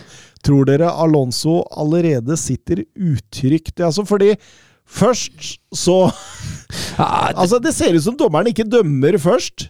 Eh, på, på Han lar den gå i tre sekunder før Ja. han tar den, og så gir han gult kort. Ja, Veldig er rart. Åpenbart han, jeg tror han får hjelp. Ja, Han får det på øret at 'oi, den var stygg', det er gult Ja. kort, og Mm. så ok, da stoler han på det. ja, men det er jo en eh, god, gammeldags Sergio Ramos-takling, det der, altså. Det er det. For, den, for den, er, den er ordentlig ille. Ja, det er sånn der, typisk Ramas, Ja. hvor han tar ballen Ja. samtidig som Yes. han karnøfler motstanderen. Mm. Det er noe og, klassisk Ramas. Klassisk. Og fullt fortjent rødt kort. Men eh, at også Navas skulle ryke på Det er vel munnbruk han får det Ja, for? får det for ja. Altså, altså at en så erfaren spiller i Mm. den situasjonen der lar seg medrive til å, til å få en, et rødt kort, få munnbruk på dommeren for etter å ha idømt et helt korrekt rødt kort. Mm. Nei, det, det fatter jeg ikke. Ja, du er- setter jo laget ditt i vanry. De har jo ikke Ja. kjangs til å komme tilbake etter dette. Nei, det er jo, altså Dette skjer jo riktignok helt på slutten, da, men Sevilla har jo litt momentum og, og, og jager jo den skåringa. Og når du da spiller ni mot elleve Riktignok ble det vel sju-åtte tilleggsminutter der, men eh, Det er jo håpløst. Du, det er en Ja, altså, altså, neste er jo den karantenen du får. Ja, Navas og, og Ramos gikk jo begge redd, direkte rødt, så Ja. de er jo ute to matcher minimum. Ja. Nei, det er blytungt. eh, Det er det. Eh, Ser, ser nesten ut som Sevilla er i ferd med liksom rote seg ned i, i bunnsjiktet igjen, altså. Ja, så spurte jeg om, om Alonso satt uttrykt. Eh, kanskje ikke helt ennå, men, men der har du ikke mye tålmodighet, altså. Så, og han står fortsatt uten seier, så dette, dette ser ikke lovende ut. Og jeg var vel positiv i starten, for den viste litt mer offensive takter. Litt mer Litt mer ja, skal jeg si, offensiv holdning, da. Det var, det var litt mer eh, trøkk offensivt. Men nå, eh, i den inngangen til den kampen her, så syns jeg det er fullstendig bom. Det er flat batteri. Ja, det er tynn suppe. Mm. Cádiz, eh, Real Madrid. eh, Snakk om skadeplaga. Real Madrid er også det, men de fikk eh, Jude Bellingham tilbake. Den ukrainske Lenin eh, fortsatt i, i, i, mål. ja. Lenin. Oscar Pipito skrev jo det. Bra, denne Vladimir Lenin i, i Real Madrid-målet, da. Kanskje han får med seg Baker Hansen foran nå. ja, det har vært fint, det. Bra kombinasjon, det. Men um, det ja, hva skal man si? Er ikke det sånn klassisk Real Madrid-start igjen, da? Altså, Vi har jo snakka nå lenge om slow starters. Jeg syns jo det er det der òg. Jeg syns jo Cádiz kommer best ut i starten og har jo et par gode muligheter. Og så, og så er det jo noe med Real Madrid, da. At når de først ikke kommer godt ut av startblokkene, så er det jo litt sånn mellom 15 og 25 de igjen å skåre. Mm. Så har de jo altså det Rodrigo gjør Ja. i den kampen der. Ja, nei, altså Bellingham for så vidt var ok, han òg, altså, men Rodrigo er jo helt matchavgjørende i den kampen her. Og, og det er litt sånn med Real Madrid, da, når de, når de, eh, når de ikke får det eh, Får det lagmessige til å funke, da, så har de enkeltspillere som faktisk står fram. Eh, ofte Venitius og Bellingham tidligere, nå Rodrigo. De to måla han skårer i den matchen her, det er jo Selvfølgelig kan du kritisere forsvarsspillet alt du vil, men eh, til syvende og sist er det fantastiske prestasjoner, altså.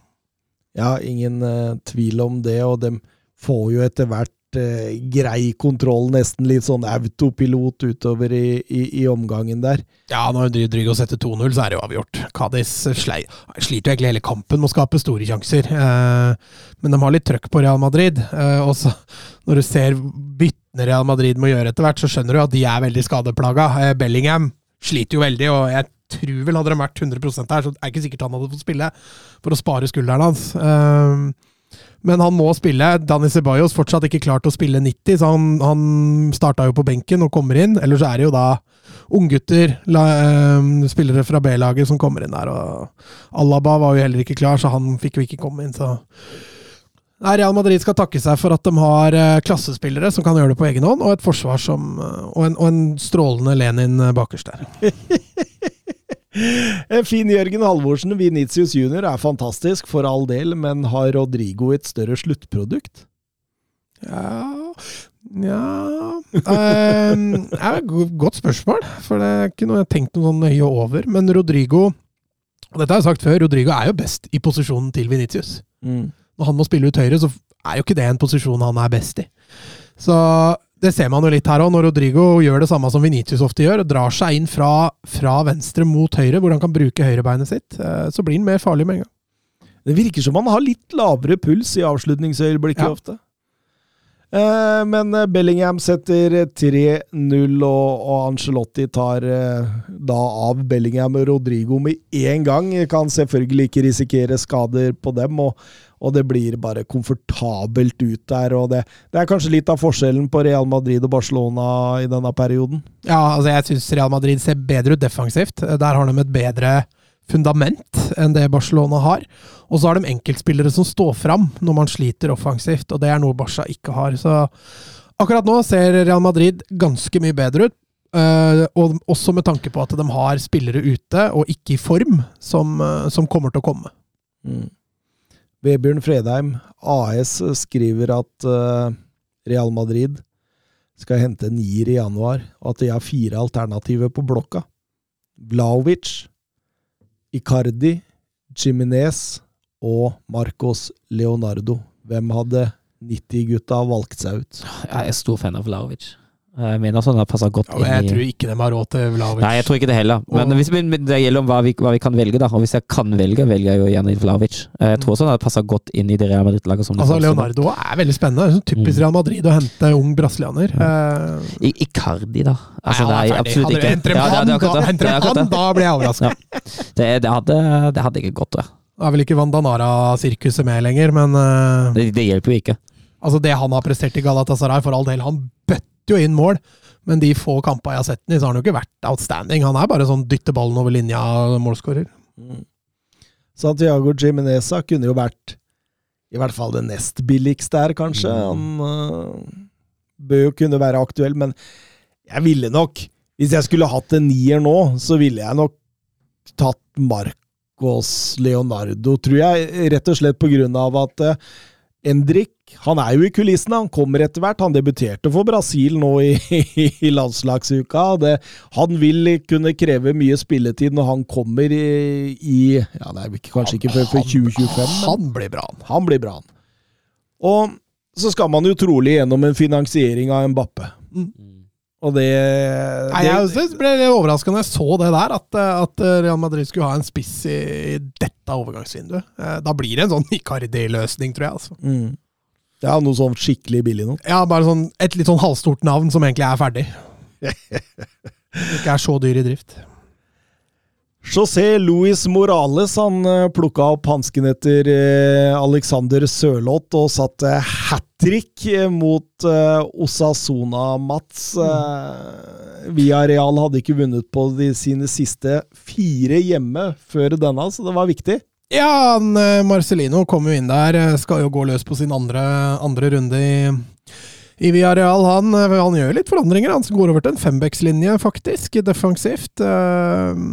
Sørloth, som du sier, ute med, med skade, men Moraes tok jo, tok jo opp hansken der. Sleit veldig i starten, Villarreal. Altså, De imponerte ikke i starten, men i andre omgang så løsner det litt der, og, og Morales er tungen på vektskåla. Betis eh, vinner 1-0 over Las Palmas. eh, William José fortsetter å skåre mål. Ja, altså Jeg har sagt det. Jeg hadde vel Betis ganske høyt på tabelltipset mitt i, i år igjen, da, vel å bemerke, men uh, altså, det, ser noe, det, ser, det ser litt mer solid ut bakover. De har litt flere strenger å spille på. De kan få en skade eller tre uten at eh, det nødvendigvis svekker dem så veldig. og det det, det ser lysere ut for Betis nå, selv om Las Palmas selvfølgelig skal slås på hjemmebane ni av ti ganger. Og Girona spilte i går kveld. Mm. 1-1 hjemme mot Athletic Club. Kul kamp. Det var Mm. Veldig artig fotballkamp. Uh, ser litt Girona. Minner litt om Liverpool. Eh, sånn det ekstremt eh, eh, retningsbestemt når de vinner ball, og, og det skal gå hurtig framover. Eh, en kamp som egentlig kunne ha bikka begge veier, for Atletic var også vasse. Eh, og Williams, eh, som har et mål, eh, bror Williams kunne hatt flere mål. At Galareta på topp der ikke skårer, er et mirakel. Og, og ringreven Stuani burde også hatt et mål eller to, så det var fryktelig artig fotballkamp som burde ha hatt flere mål i seg enn de to det ble. Men dermed ble det jo troneskifte i La Liga, da. Det stemmer. Real Madrid sneik seg forbi på, på innbyrdes, eller bedre målforskjell om du vil. Men Girona fortsetter å, å imponere. Absolutt. Og Nå er det, nå er det ti poeng ned til, eh, til femteplassen, så Ja, det begynner jo å lukte litt Champions League. Det er, det er det som er, da, når du får lag nedenifra hvor de begynner å lukte Og så rakner det jo etterpå, da. Det. Men allikevel, altså den spillestilen Girona har, da, eh, den er så tydelig. Altså, de har skaffa seg en skikkelig identitet, da. Og det tror jeg kan hjelpe dem litt. Altså, Savio er jo er fryktelig spennende. Eh, de har litt å gå på. De har ikke så stor bredde, det er vel det som eventuelt feller dem etter hvert, men eh, ja. Dovbyk var jo ute med, med skade den runden her, og da, da ble det litt færre mål med en gang. Vi må gå over til eh, Bundesliga. Er macht ein richtig gutes Spiel. Jan Schimonek. Die Wolfsburger lassen so gut wie nichts zu. Grafit. Grafit gegen Lell. Jetzt wird's eine Demütigung. Guckt euch das an. Bist du verrückt? Bist du verrückt? Tor des Jahres. Die Bayern der Lächerlichkeit preisgegeben. Ja, vi begynner med fredagskampen Köln mot eh, Bayern München. Og det er jo Bayern München som eh, kommer ut i 100 her. Ja, det, Baumgart han hadde jo, han hadde jo eh, prøvd noe nytt, da. Uh, komme i 3-5-2 mot Bayern for å få litt bedre defensiv stabilitet. og det kan vi jo trygt si uh, ikke gikk. Uh, det, det mellomrommet som, uh, som Köln ga Bayern, er helt Altså, altså det, det var så stort. Det var, det var jo Kunne kjøre Kunne fint parkere lagbussen inni eh, og snu den fem ganger rundt. Eh, og da er det jo Bayern som, som styrer kampen, og som skaper sjanser fra egentlig første minutt, nesten. Uh, Marvin Svebe i målet til Köln med en enorm kamp. Redder det han kan redde. Uh, men uh, når Kane setter inn 1-0 på, på en retur, er det jo er det sjanseløst for Svebe. Og så er det jo ekstremt fortjent at Bayern leder. Bør jo ha leder med betraktelig flere. Første spiller i Bundesligaen som skårer 18 mål på de første 12, og første engelske mannen Engelske mannen. Engelske mann, ja. Engelskmannen. ja det er jo som riktig. skårer 18 mål i en Bundesliga-sesong. Kan dere nevne de tre engelskmennene som har eh, Sancho! Ja. Kevin Keegan. Ja, Og den siste oh, Er det Bellingham? Nei, Nei Bellingham 14. vi har Uh, nevnt det før. Det er litt morsomt navn. jo, jo, jo, jo, han uh, Jesus. Uh, Ja, Jesus. Dikko, Dikko! Cookie! Du er på sporet! Woodcock! Woodcock var det. Yep.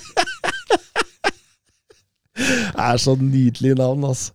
Eh, Kasper Viktor Ruud Haaland, eh, tror dere Bundesliga blir for enkel for Harry Kane? Eh, det minner litt om når Tottenham spilte ligacup mot Wrexham og Notts Conti.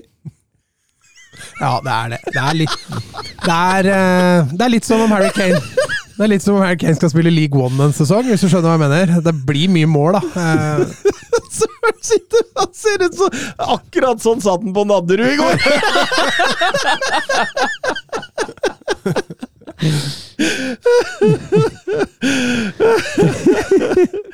Men eh, det er som Søren sier, det er rom overalt Ja. hos Køllen. Altså, vi sitter jo i bunnen av Fleisjejordet nå. Og det, det var sånne rom som oppå jordet der. Ja, det var, det var helt sykt. Uh, og Baumgart justerer jo etter en halvtime. Eh, så går han jo over til en, eh, til en 5-4-1. Eh, og det, det tar litt av brodden ut av Bayern-angrepet. Eh, men da kommer ikke Köln framover lenger. Og Bayern kontrollerer jo den kampen så til de grader. Det er, det er jo så full kontroll, så det står bare 1-0, og det blir jo bare 1-0 til slutt òg. Men Torrell han sier jo han, han bytter jo ikke. Og så sier han i etterkant at jeg tenkte litt hva man kan gjøre om man får litt minutter til Mulla og til Taylor og sånt, da, men vi hadde jo så kontroll, og så ville han ikke ta sjanser og, og bryte det opp. Og jeg, jeg skjønner det litt, fordi den Altså, det, de spiller jo som om de leder 4-5-0, Ja. selv om de bare leder 1-0. Og det, det er litt sånn eh, Det er litt sånn gode, gamle Bayern som alle er tilbake da og kontrollerer de kampene der inn, selv om man, man jakter ikke med all makt mål nummer to. Men man har full kontroll og er det klart beste laget, og det er egentlig ikke alle de spørs om hvem som vinner den kampen der. Ny quiz, Søren. Mm.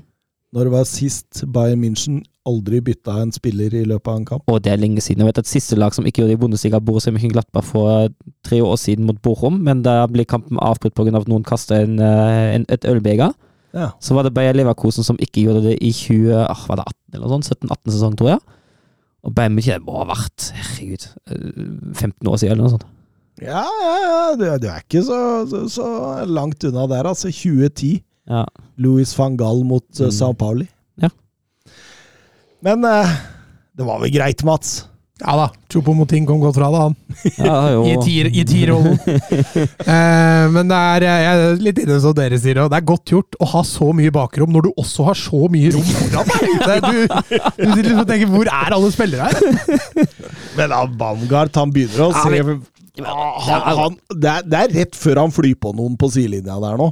Ja, altså Men vi, vi snakket faktisk litt om det i, i Dreierpark før matchen nå, for hvor fokus for Köln var litt på at de må begynne å stappe litt hull, de må begynne å tette litt rom, ellers kan det bli veldig veldig stygt. Og eneste grunn til at det ikke ble veldig veldig stygt, var jo keeper Marvin Svebo, at uh, Bayern-spillerne, og særlig Leroy Sané, eh, bommer jo som ja, fulle sjømenn, altså. Men altså, det var Det, det, det sitter ikke. Det, Du, du veit uttrykket 'fulle sjømenn' nå er diskriminerende? And det hopes. Ja, Det var. Sjøfartsforbundet som meldte det inn til Diskrimineringsombudet. Oh, unnskyld. Ja, ja. For sjømenn skulle ikke ha på seg at de var fulle lenger. Nei, og i hvert fall ikke Altså, det var jo å bruke penger som fulle sjømenn, er ikke det uttrykket? Ja, ja. ja, ja. Det, skal, For, det går i for, hvert fulle fall ikke. sjømenn bruker bruker jo ikke penger! De er jo De er gniene, ass! Men jeg tror det er to ting de ofte brukte penger på, da. Fisk og horer. Ja, eller øl. Øl og horer. Fisk! Ja, men når du har vært på du, du, du sier jo til kona at du drar ut og fisker. Du må jo ha med deg Kom hjem med frossen laks! Du må jo ha med deg fisk hjem! Da må du kjøpe et sted, da. Dortmund, eh, Borussia München-Gladbach. Ja, horribelste start av Dortmund. Da, da, da Ja, det forsvars, det forsvarsspillet der. Da- Første kvarter, Ja, 20 minutter. Ja, det, er det, det mye som ikke sitter. Uh, Glattbach kommer seg rundt på kant gang på gang. Uh, Presspillet til Dortmund fungerer ikke i det hele tatt, og er jo München Glattbach to mål, og nesten et tredje år. Ja, Jørn Henland han spør om på en skala fra dårlig til totalt udugelig.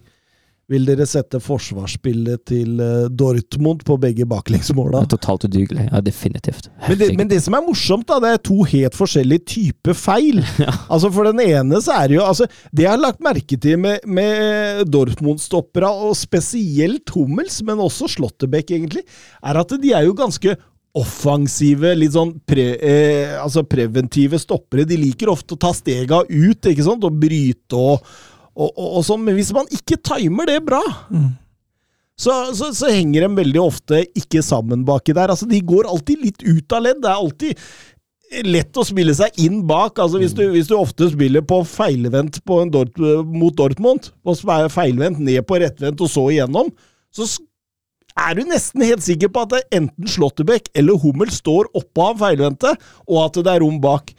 Det er veldig sånn der, typisk Dortmund-feil, og det er jo det som skjer på scoring nummer én. Ja. Scoring nummer to Altså, Der veit jeg ikke hva de driver med. altså Hvordan de kan la Manu Kone. Snu der. Altså, Mange ganger ja, Han løper fram og tilbake og hit og dit. Tre-fire Dortmund-spillere løper bare etter den. Hva er det som skjer der?!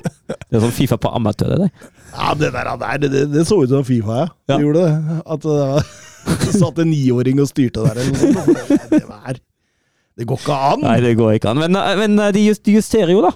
De går jo over til en sånn trevekslinje i frispillinga. Benzebaini går inn, og så klarer de å skape overtall sentralt. Og det blir, jo, det blir jo veldig viktig til å kunne sette opp uh, bein og gittens uh, Sali, men uh, kanten generelt med bein og gittens Sali i, uh, i en mot én-situasjoner, og det gir jo uttelling. Mm. For han, eh, han eh, gjør litt som han vil med Onora. Ja, absolutt. eh, veldig bra. Sabitzer eh, setter 1-2. Fullkrug setter 2-2. Den er jo strålende. Ja, en Nydelig scoring. Eh, og, og, og snuoperasjon gir jo åpenbart også selvtillit inn i, i spillergruppa. Du ser plutselig så kikker mm. de litt opp, det går litt fortere, man, man tar litt større på en måte risiko i offensive spillet. da. Og, og, og man får brukt eh, denne godeste blonde venstre Brant. Ja, Brant i mye større grad. Ja. Ja, det Altså, et, etter etter 2-2 har Dortmund det klart beste laget. Mm. Uh, og det er fortjent at de, at de skåra 3-2 og, og det Og så prøver jo Seoan å, å, å, å endre ting. Uh, han prøver jo å gå over til en Eller han, uh, han går jo over til en, til en eh, 4-4-2. Men eh, Og så- har jeg har Glattbach litt De har litt ball på slutten, og det er litt sånn Det er sånn tilløp til noe, men det kommer seg ikke helt eh, Jeg, jeg syns Dortmund spiller en strålende annen omgang. Ja, jeg syns så. Jeg synes Som så. De- profesjonell, ja, liksom. Veldig, veldig kontrollert. Så der er de eh, mye mer eh, inni det. Jeg syns ikke Altså, Kristoff Kramer får en på slutten der, men, Ja, men det, ikke, det, det, ikke, det, det, det, stoppes tidligere. Absolutt. Så, så det, var liksom to verdener av Dortmund man fikk se i én kamp her. Ja, I en det, omgang, egentlig. ja. ja, men det er liksom at Du veit aldri hvilken versjon som møter opp. eh, og bunnivået til Dortmund er helt horribelt lavt. Ja, det, det er skremmende lavt, og Ja. så er eh, toppnivået eh, nesten sånn skremmende høyt. Altså, Mm. det er, det er, er, man, man er liksom på toppnivå, omtrent ved Bayern München der, og, og, og sirkulerer. Og så er man nede på Paderborn-nivå, altså, når, det- når det går dårlig. Gode gamle Paderborn, ja. Ja, vi må videre, Søren. Vi går videre til Wolfsburg mot eh, RB Leipzig. Woho! Da ble det endelig seier! Mm, men, men, men før du begynner, Døpker. Den her var litt morsom. Eh, Bernt Olav Gjellegjerde Hansen. Heldig seier for Niko Kovac mot RB Leipzig. Verste eller det beste som kunne hendt for Wolfsburg, Søren? Verste. Ja, helt klart verste. Uh, også, og, og det Da han får er, han sitte et par uker til, da! Hurra. Uh, og det, det, det, er jo uh, Bjørn Olaf inne på det, Heldig, det er det som er problemet. Uh, det en seier der jeg sitter og tenker at dette har innleda en snuoperasjon. Men faen, for et rasshøl Openda, Openda, ja, var i ja, ja, den kampen ja, ja, ja. der! Altså, Hva er det som skjedde med den der, da? At, at han ikke blir utvist for den han har mot uh, Var det Castells for slutten, da? Eller i andre omgang? Eh, altså, da, da skal han få sitt andre gulo ut. Uh, Overspilling ja. og ja, den filminga mot Bono er jo også helt eh, tragisk. Nei, jeg, Det hva, hva han driver med der? Nei, virka jo rett og slett frustrert gjennom Mm. hele matchen. da. Ja. Ehm, nei, men, men det er noe med at det er ikke en kamp som lar meg rope hurra. Det er ikke en kamp der jeg mener at nå, nå har man snudd en utvikling. Uh, det er ekstremt heldige tre poeng. Uh, vi har en XG som har gått under én og skåra to mål. Leipzig har en XG som nærmer seg tre og skårer ett. Uh, det er først og fremst én mann vi kan takke for at dette har blitt tre poeng, og det er keeperen Kohn Castells. For han har noen strålende redninger. Eh, og så kan, eh, kan Jonas Wind også få en liten blomsterkvast for, for både mål og assist. Eh, men utover det er det fryktelig tynn suppe. Og takke med Paulsen òg, for den bommen han har der. Ja, den det, det skal nesten ikke være her lov, den- etter det angrepet der. Den er enorm. Men, men igjen, da. altså Wolfsburg kommer seg litt inn i det etter fem minutter.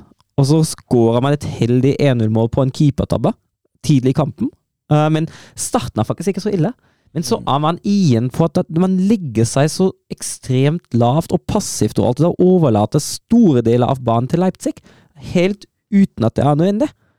Uh, og det er det, det slår jo nesten feil. Som sagt, uten Kohn så hadde det blitt uh, flere mål. Altså, hva, hva Sebastian Bono driver med som sentral midtstopper i den ene omgangen han uh, på mirakuløs vis får lov å spille, det er, det er skremmende. Det er, det, det er Altså, vi snakker om Dortmund-stoppere. Han der, i den kampen, er åtte hakk unna alle feil som uh, Dortmund-stopperne gjør.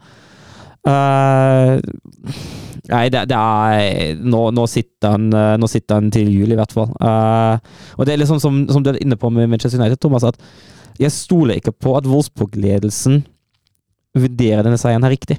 Eh, jeg tror man ser på det, at man har tatt tre poeng, og da, da får Kovac nå en, eh, en eh, jobbgaranti i flere kamper. Dessverre. Men det, det er ikke en, det er ikke, som sagt, jeg, jeg tror ikke det er en kamp som, som innleder en snuoperasjon. Det, det var altfor svak prestasjon, for det var egentlig et mirakel at man har vunnet den kampen. der. Men, men, men det jeg lurte på underveis i kampen der, var han skada eller noe sånt, eller Benjamin Sesko? For med så mange innlegg Mm. Og så kommer han ikke inn på, deg. Nei, man, man, man, altså, Du kan si mye om Penda og Simmons og Carvalho og Forsberg og hele den gjengen, men de altså, driver og slår innlegg på dem. Mm. Da Det- utnytter du ikke styrkene, nei. Nei, den, den skjønte jeg ikke helt. Og så tar du ut Paulsen, som Ja. kanskje er den største eh, trusselen eh, i, i lufta de har, og så kommer aldri Sjesko inn. Jeg skjønner ikke den der, altså. Nei, det er rart, og han har jo bytta litt rart eh, sist han var Nei, det var mot Mainz han bytta rart, ja. Men Rosa ble så forbanna Hva var det han ble forbanna på? Nei, det var vel en eller annen på Det var jo den straffesituasjonen. Ja. Eh, Da var det vel en eller annen eh, på Wolfsburg-benken som, eh, som sa et eller annet i hans retning. Uh, jeg vet da pokker hva det var. Jeg har ikke lest noe om det i etterkant, men eh, For du så han tente på Ja, alle tente plugga på og bare alt, ja, ja, gikk klar retning. Altså. ja. Så fikk jeg sikkert beskjed om å roe seg ned eller et eller annet. Gudene veit. Men ja, ja. Han fikk jo gullkort for det òg. Fullt fortjent. Da var det opp på åttendeplass igjen, altså. Ja, ja, fint det. Uh, bare vent til vi møter Borum nå neste helg. Han, han ligger jo rundt taket sitt, da. Ja, han gjør jo det. Han gjør det. Og så er det liksom han, han er helt oppunder taket sitt, faktisk. Ja, Han ja, han er- presterer det på det sitt beste. Han. Ja, han gjør jo det. Altså, det, det, blir bedre, det blir ikke bedre med ham. Det blir ikke det. Uh, kan jo skyte ut at i Leipzig har eh, Emil Forsbekk er på vei til Red Bull New York nå i vinter. Mm. Og Leipzig snuser på Bryan Saragossa. Ja. Ja, Ja. spennende. Det er en typisk RB Leipzig-signering. Ja. Eh, Vi må videre. Union Berlin, Augsburg, vikar eh, Marco Grotes første kamp eh, som manager for Union. Syns du det gikk greit, Søren? Syns, gjorde han noen endringer? Ja, altså, det, det, var jo, det var jo greit. Jeg syns jo Union opptrer ganske modig i den kampen der. Eh, Jeg Oi, det er sjelden man har hørt. Ja, jeg syns altså Uh, Jeg syns det er Jeg syns det er en litt mer offensiv opptreden. Uh, går nok litt uh, på belastning, eller på bekostning av den den defensive stabiliteten. Det var litt større avstand enn man kanskje er vant til òg. Um, men jeg syns egentlig en kamp der Union hadde fortjent alle tre poeng.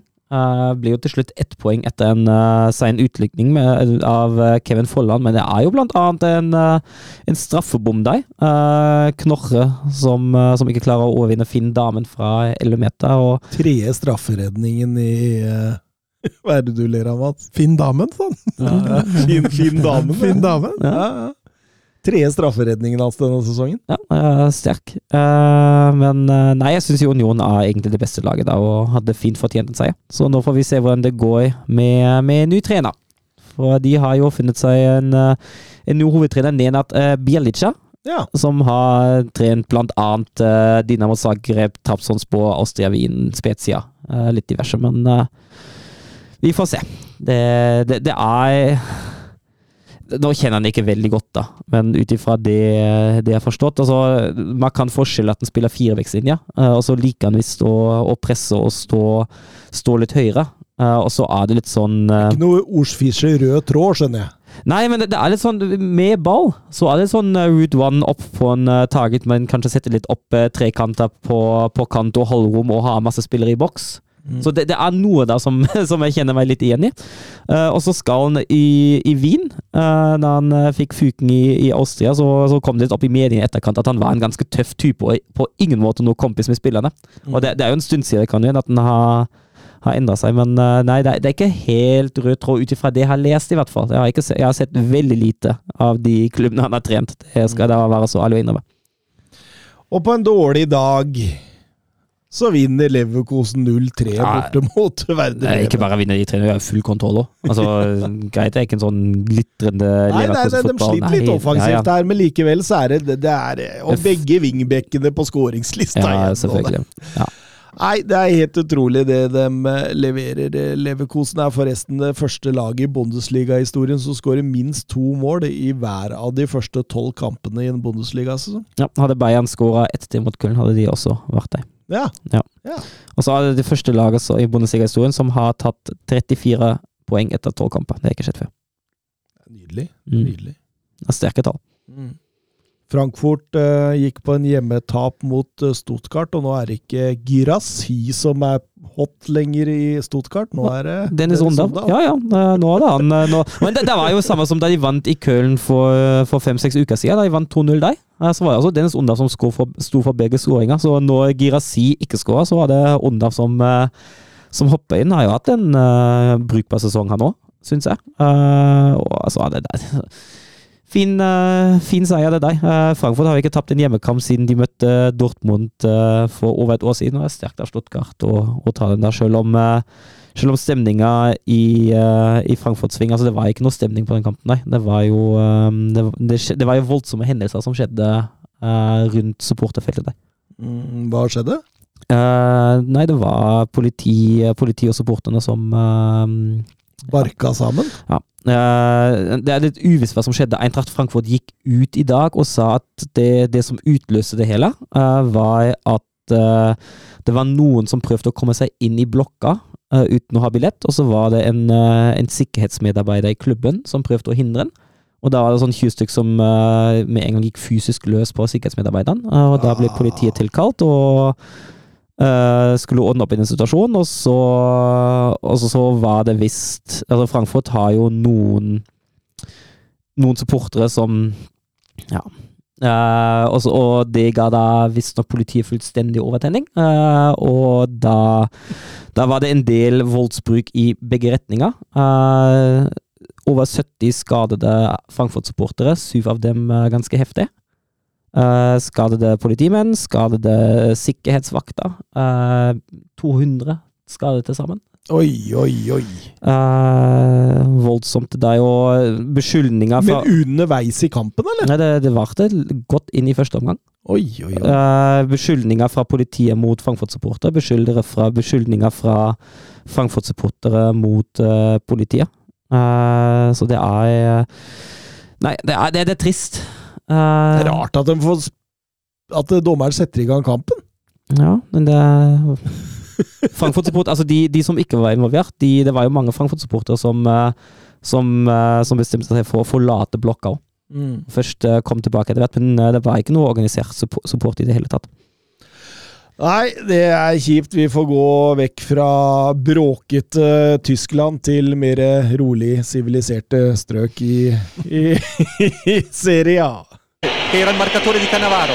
palla tagliata, messa fuori, c'è Pirlo, Pirlo, Pirlo, ancora Pirlo di tacco, tiro, gol! Grosso, grosso,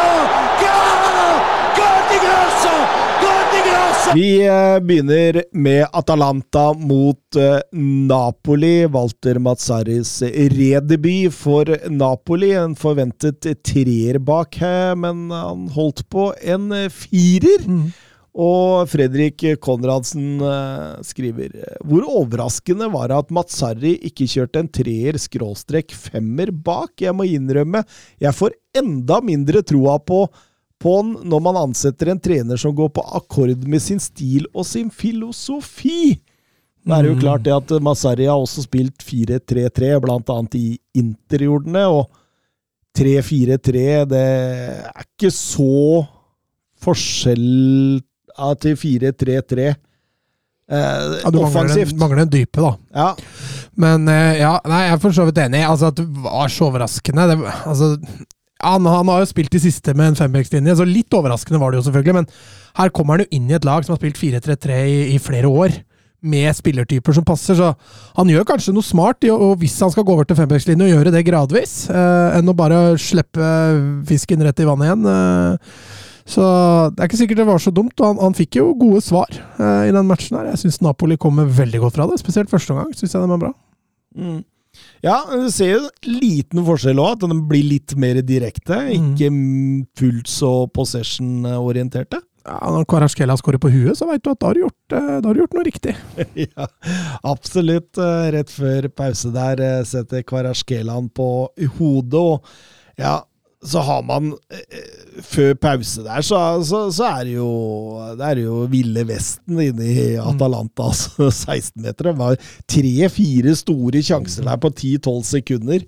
Eh, Så, så det er ingen tvil om at eh, Napoli fortjener dette når man går inn til pause, men det blir litt tøffere annen omgang. Ja, jeg syns de får involvert Ketelare lavere i banen der, som får et ekstra oppspillspunkt. da, og Luckman kan heller løpe inn bak. Coop Miners kommer seg oftere inn i boks, noe som er naturlig, selvfølgelig, når du får flytta, flytta laget høyere. Og, og Atalanta får jo, får jo tidlig betalt der, når Luckman faktisk header inn han også. Så det var litt sånn atypiske mål fra, fra begge lag der. Eh, Men eh, Atalanta svarer egentlig bra på det. Og så kommer Napoli bra igjen på slutten. Og Shimen kommer inn der. Ja, det, og det var litt det jeg skulle fram til, at han kommer inn, og det Du ser jo selvfølgelig han er litt rusten, men, men han kriger jo den ballen til Elmas på slutten der, som Han gjør jo litt av det målet der, han.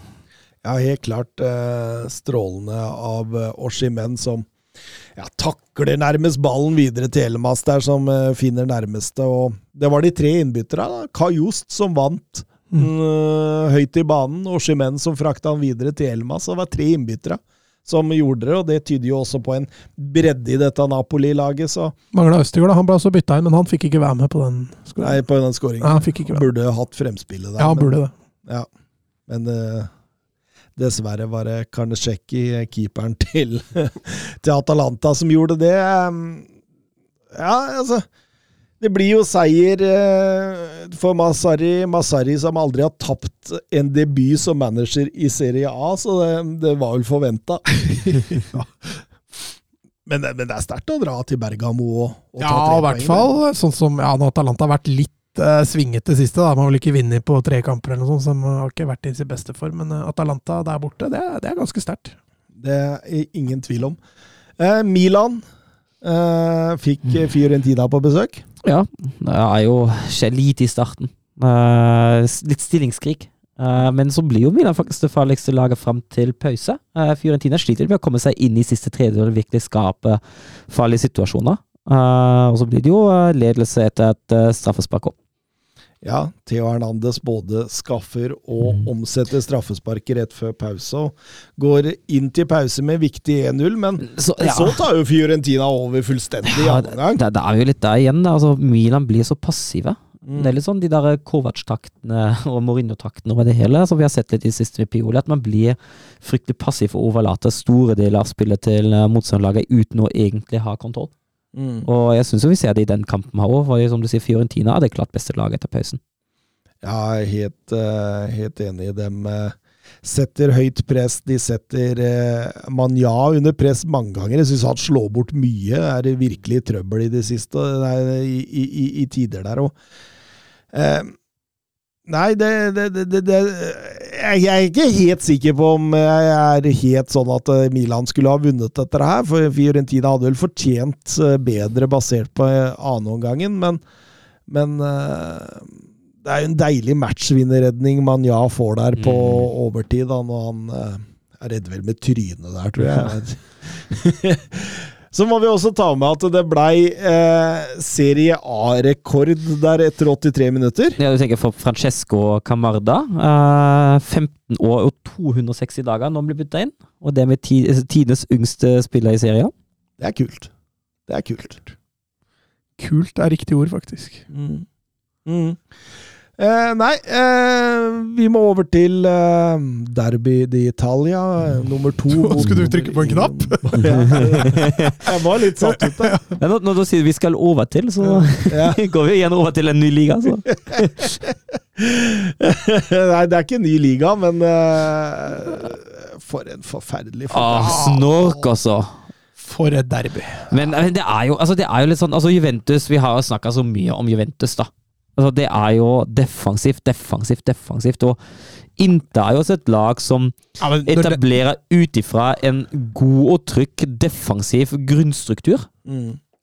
nå svarer vi på Eivind Stølen sitt spørsmål, vel å bemerke. Det gjør vi det, ja. Men jeg, jeg, når, når du skal inn eh, når du, Etter å ha sett den kampen, så går du inn og ser Fy faen, hvor mange avslutninger hadde Juventus egentlig i den kampen? Og kom fram til fire avslutninger på 90 minutter der. Det er så stusslig, altså. Men det, det er jo litt sånn, da, at eh, spesielt etter 1-1-skåringen, da kan man jo bare legge seg ned, egentlig, og, og, og finne på noe annet å gjøre. Altså, det er jo to lag, som du er inne på, Søren, som alltid skal være i balanse. Det er alltid balanse. Det er alltid gode avstander defensivt. Det er alltid Altså, eh, det viktige parameteret i spillestilen til begge lag er den defensive tryggheten og strukturen. Og, og det betyr det, at hver gang motstanderen angriper, uansett vi på hvilken side, så vil de alltid være i mindretall. Uansett. Og da er det ekstremt vanskelig å score mål i fotball. Og når ikke noen av dem heller presser noe særskilt høyt, nettopp pga. dette med å ha en balanse og, og en, en trygghet som liksom, er iboende i laga, så får vi det sånn som dette her, at det, er, det blir aldri ubalanse. Det blir aldri de helt store sjansene. og man, man blir, Det blir opp til dødballer eller en fantastisk enkeltmannsprestasjon, liksom. Hva hva var spørsmålet til Eivind Sturne? Uh, gleda meg til toppkamp i Italia. Konklusjonen blei vel heller at jeg burde vurdere å legge meg en tidlig søndagskveld. Eh, Burde vel visst bedre med Juventus involvert. Men dette henger vel kanskje sammen med to lag som taktisk forsøkte å utmanøvrere hverandre. Hva tenker dere? Ja. Så vi har egentlig svart på det. jeg synes det. har det. Jeg jeg må hylle bevegelsen til Martides før 1-1 der, altså. Han, han setter Danilo fullstendig sjakkmatt der, altså, med de bevegelsene. Han, han henger ikke med, rett og slett. Nei da, og, og skåringen til Vlaovic eh, på 1-0 der også, også fin, uh, for all del. Og, men, men, men det er litt Man må gjennom noen vanvittige prestasjoner eller noe Ja, for, for, for 1-0 er det jo Dumfries som mister ballen, og da havner han for én sjelden gangs skyld i ubalanse. Så det er, jo, det er jo liksom det som skal til. mm, Absolutt. og da, liksom, da Allegri også mot slutten da tar av Vlaovic og Chiesa, liksom. Ja. Altså det Nei, frykten for tap blir rett og slett større enn ønsket for å vinne, og da det, det, det, Da blir det ofte uavgjort. Ja. Nei, det, det, det, det skuffa veldig. Vi har, nå har vi skrytt hemningsløst av enkelte derbyer eh, denne sesongen. Så kommer vi til dette, altså. Det er jo ikke et ordentlig derby, da. Men Men når du går fra altså City-Liverpool, da, for eksempel, som er en sånn turbokamp, mm. og så kommer over til dette, som er en ordentlig sånn derre ser ut som to andre forskjellige idretter. ja, ja. Sånn, sånn de som du må dra i gang, og selv da så får du ikke tempo i det. Det var, det var labert. Jonathan Hobber, eh, sterke kilder, melder at Allegri er ferdig etter sesongen, og at Conte blir hans erstatter. Vil Conte kunne ta Juventus tilbake i europatoppen? Eh, Er jo en vei opp til de beste. Ja, og Europatoppen den er langt unna, føler jeg. Eh, og som vi tanke på den økonomiske situasjonen som Juventus tross alt er i, den, den veien tror jeg blir veldig veldig lang. Um, at man eh, bygger litt på en rød tråd, og kanskje utvikler litt lite grann. Uh, det er ikke noe tvil om det. Uh, så sånn sett passer jo Allegri inn. Nei, unnskyld, uh, Conte inn, som etterfølger til Allegri. Men jeg, jeg ser ikke for meg Juventus i europatoppen de neste fem åra, altså. Jeg, sliter litt med å se det. Nei, For Europatoppen, da mener vi en ekte kandidat til å vinne Champions League, gjør vi ikke det? Mm. Mm. Det, Sånn som den var. ja, og det, det ser jeg ikke for meg at det skjer i løpet av de neste fem åra, at vi har dem der. Nei. Kanskje, til, Nei, kanskje til og med enda lengre tid enn dem. Nei, jeg er litt skeptisk til Conte oppi det hele òg, da. Fordi altså, det, dette er en trener som har sagt opp fordi han får beskjed om at de må selge noen spillere pga. noen økonomiske problemer og, og, og øh, godt, Jeg husker han sutra noe voldsomt fordi han ikke fikk eh, Codrado fra, fra Fiorentina der. Eh, når han var trener i, i Juventus første gang. Mm. Og at det var en av grunnene, sa dem, til at han eh, lot seg friste av det italienske forbudet og ta over eh, Italia. Italia. Så når du veit hvordan han liksom på en måte Mekanismene rundt, eh, mo- rundt eh, konto, hvordan han er, og hvor mye han krever, og eh, så, vi, en, en klubb da, som sliter økonomisk, det, det, det virker ikke som en sånn fantastisk god match, men samtidig så veit du at Conte har jo hjertet sitt i Juventus. Han har jo fem skudettoer som spiller, og tre som trener. Ja, han var jo med på å bygge Juventus etter eh, Ja. skandalene. På, så han, han har nok litt forkjærlighet til den klubben, ja. Ingen tvil om det. Så så gærent kommer det ikke til å bli. Jeg tror nok på en måte det vil bli en oppsving fra Mm. Allegri. Ja, det, men det, det er ikke så Men vanskelig. Europatoppen, der er jeg enig, det tar tid, altså. Og, og først og fremst så må de økonomisk komme seg på fote for at man skal klare det. Eh, Salernitana slo Lazio 2-1, altså. Møte tabelljumboen, altså absolutt nederste lag, og så ryker eh, Lazio på tap. eh, Det er tunge tider for Sarri nå, eh, ingen tvil om det. Kan nevne at Giro Immobile satte et straffespark der. Tok ledelsen tidlig. Hans hundrende bortemål i Serie A. Ingen har flere, faktisk. Og så må vi ta med at José Mourinho er på vei eh, sakte, men sikkert opp mot topp fire der. Nå legger, Tatt på to år, det, så endelig begynner han å nærme seg! nå legger de seg bare tre poeng bak Napoli på den fjerdeplassen der. og Det var litt sånn Dybala og Lukaku-show der òg. Mm. Så eh, det kan godt hende han får på plass noen eh, Noen eh, Hva kan du si? Noen elementer som gjør at de kan bli litt farlige utover. Det har vært veldig varierende så langt denne sesongen. Dybala, hans 18. målpoeng mot eh, Odinese i Serie A. Oppda kunne bare finne Francesco Totti med sine 20 målpoeng mot Parma som en med mer målpoeng i Serie A mot et bestemt lag etter årtusenskiftet. Det. Så han trives mot uh, Odinese, denne Dybala. Eh, er det én ting som er sikkert når du ser på den italienske tabellen her, så er det at det her eh, Det, det, det har- jo blinka seg ut eh, Inter og, og Juventus på topp der, men jeg, jeg føler at her kan alt skje. Du tror fortsatt Milan kan ta gull? Nei, jeg, jeg, jeg, føler at eh, Inter tar det gullet. Men i, i forhold til altså, her Topp kan, fire, liksom? ja, her kan Atalanta komme seg opp, her kan Roma komme seg opp, her Fiorentina. kan Milan rykke ned. Ja, ja, det, det, ikke rykke ned, men ryke nedover. Mm. så, så her kan alt skje. Og, og Lazio på en ellevteplass, de er jo faktisk bare fire poeng bak Roma på femteplassen. Mm. Så det er jevnt og tett. Vi går over til uh, Ligue sur la frappe de Messi de, De de Mercado, Mercado, et, et là aussi on a un petit peu de réussite. Griezmann sur l'appui, c'était bien joué avec Giroud. Oh, Dan. Oh, il l'a vu. Oui. Kylian Mbappé. Kylian Mbappé, il l'a vu. Ça fait 4 Et ça fait peut-être un quart de finale pour l'équipe de France. 68e minute Oh, la joie collective parce qu'ils ont tous jailli du banc pour aller saluer cette passe décisive géniale de Giroud et ce doublé pour Kylian Mbappé Yes, vi begynner med Paris Saint-Germain mot Monaco, et eh, PSG i veldig god uh, league Ø, eh, eller æ. Nå klager jeg på deg! Ja, så går du, hopper du rett i samme fella. her, så. Ja, det var, jo, eh, det var jo godeste Clay her som sa at det heter æ, ikke ø. Og så har vi jo klart å på en måte gjøre æ-en til vårt barn nå de to-tre siste episodene, men nå blei det ø igjen for oss begge. Nei, det er lett å si ø. Ja, det er lett, lettere å si ø enn Det er æ. det, det er det, det er ja, det. det er sant, det. Men, eh, men eh, selv om de har uh, trøbla noe i Champions League, så, så, så, så er det jo vært et uh, solid uh, PSG vi har sett i ligaen. I Ligue 1, ja. Og tok, imot, eh, tok imot Monaco. De var jo det beste laget da òg, syns jeg. Kom jo, kom jo godt ut fra start. Eh, Køen har jo, en, eh, har jo noen gode redninger til sjansene til PSG i starten av, før han sjøl får ære dem 1-0 på forferdelig vis.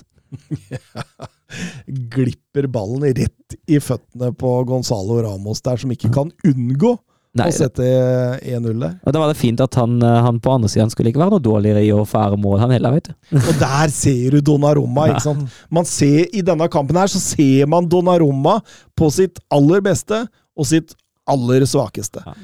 I frispilling med ballen i beina, så ser Altså, han har to venstrebein, han, altså. Stein i begge skoene. Ja, ja, ja. Mens på strek Å, det er ikke mange keepere som er bedre enn han, altså. Er litt sånn nymotens David Igea. Ja, ja, på en måte, ja. Men altså, PSG er jo det beste laget i egentlig første omgang òg, syns jeg. Igjen litt litt Ja. sånn åpen og Ja. morsom fotballkamp. Ja, enig. Uh, Ugarte er jo igjen enorm i, i gjenvinningsspillen. Er ekstremt viktig uh, for PSG sentralt i banen der. Og jeg syns jo det er fortjent. Uh, når Mbappe setter 2-1 på et straffespark da Magassa felte, felte Dembélé. Det var fryktelig klønete, men eh, frykt, det, er jo, det er jo en sånn bisarr situasjon, fordi det er vel en ball han venter på, men ikke nå i en klareringssituasjon, og så feller han Dembélé i stedet for. Ja, han sparker den i magen, Ja. fordi han ser ikke Han har ikke oversikt, så Nei, han ser ikke ikke Dembélé bak seg, og så banker han til, og så treffer han Dembélé istedenfor Ja. ballen.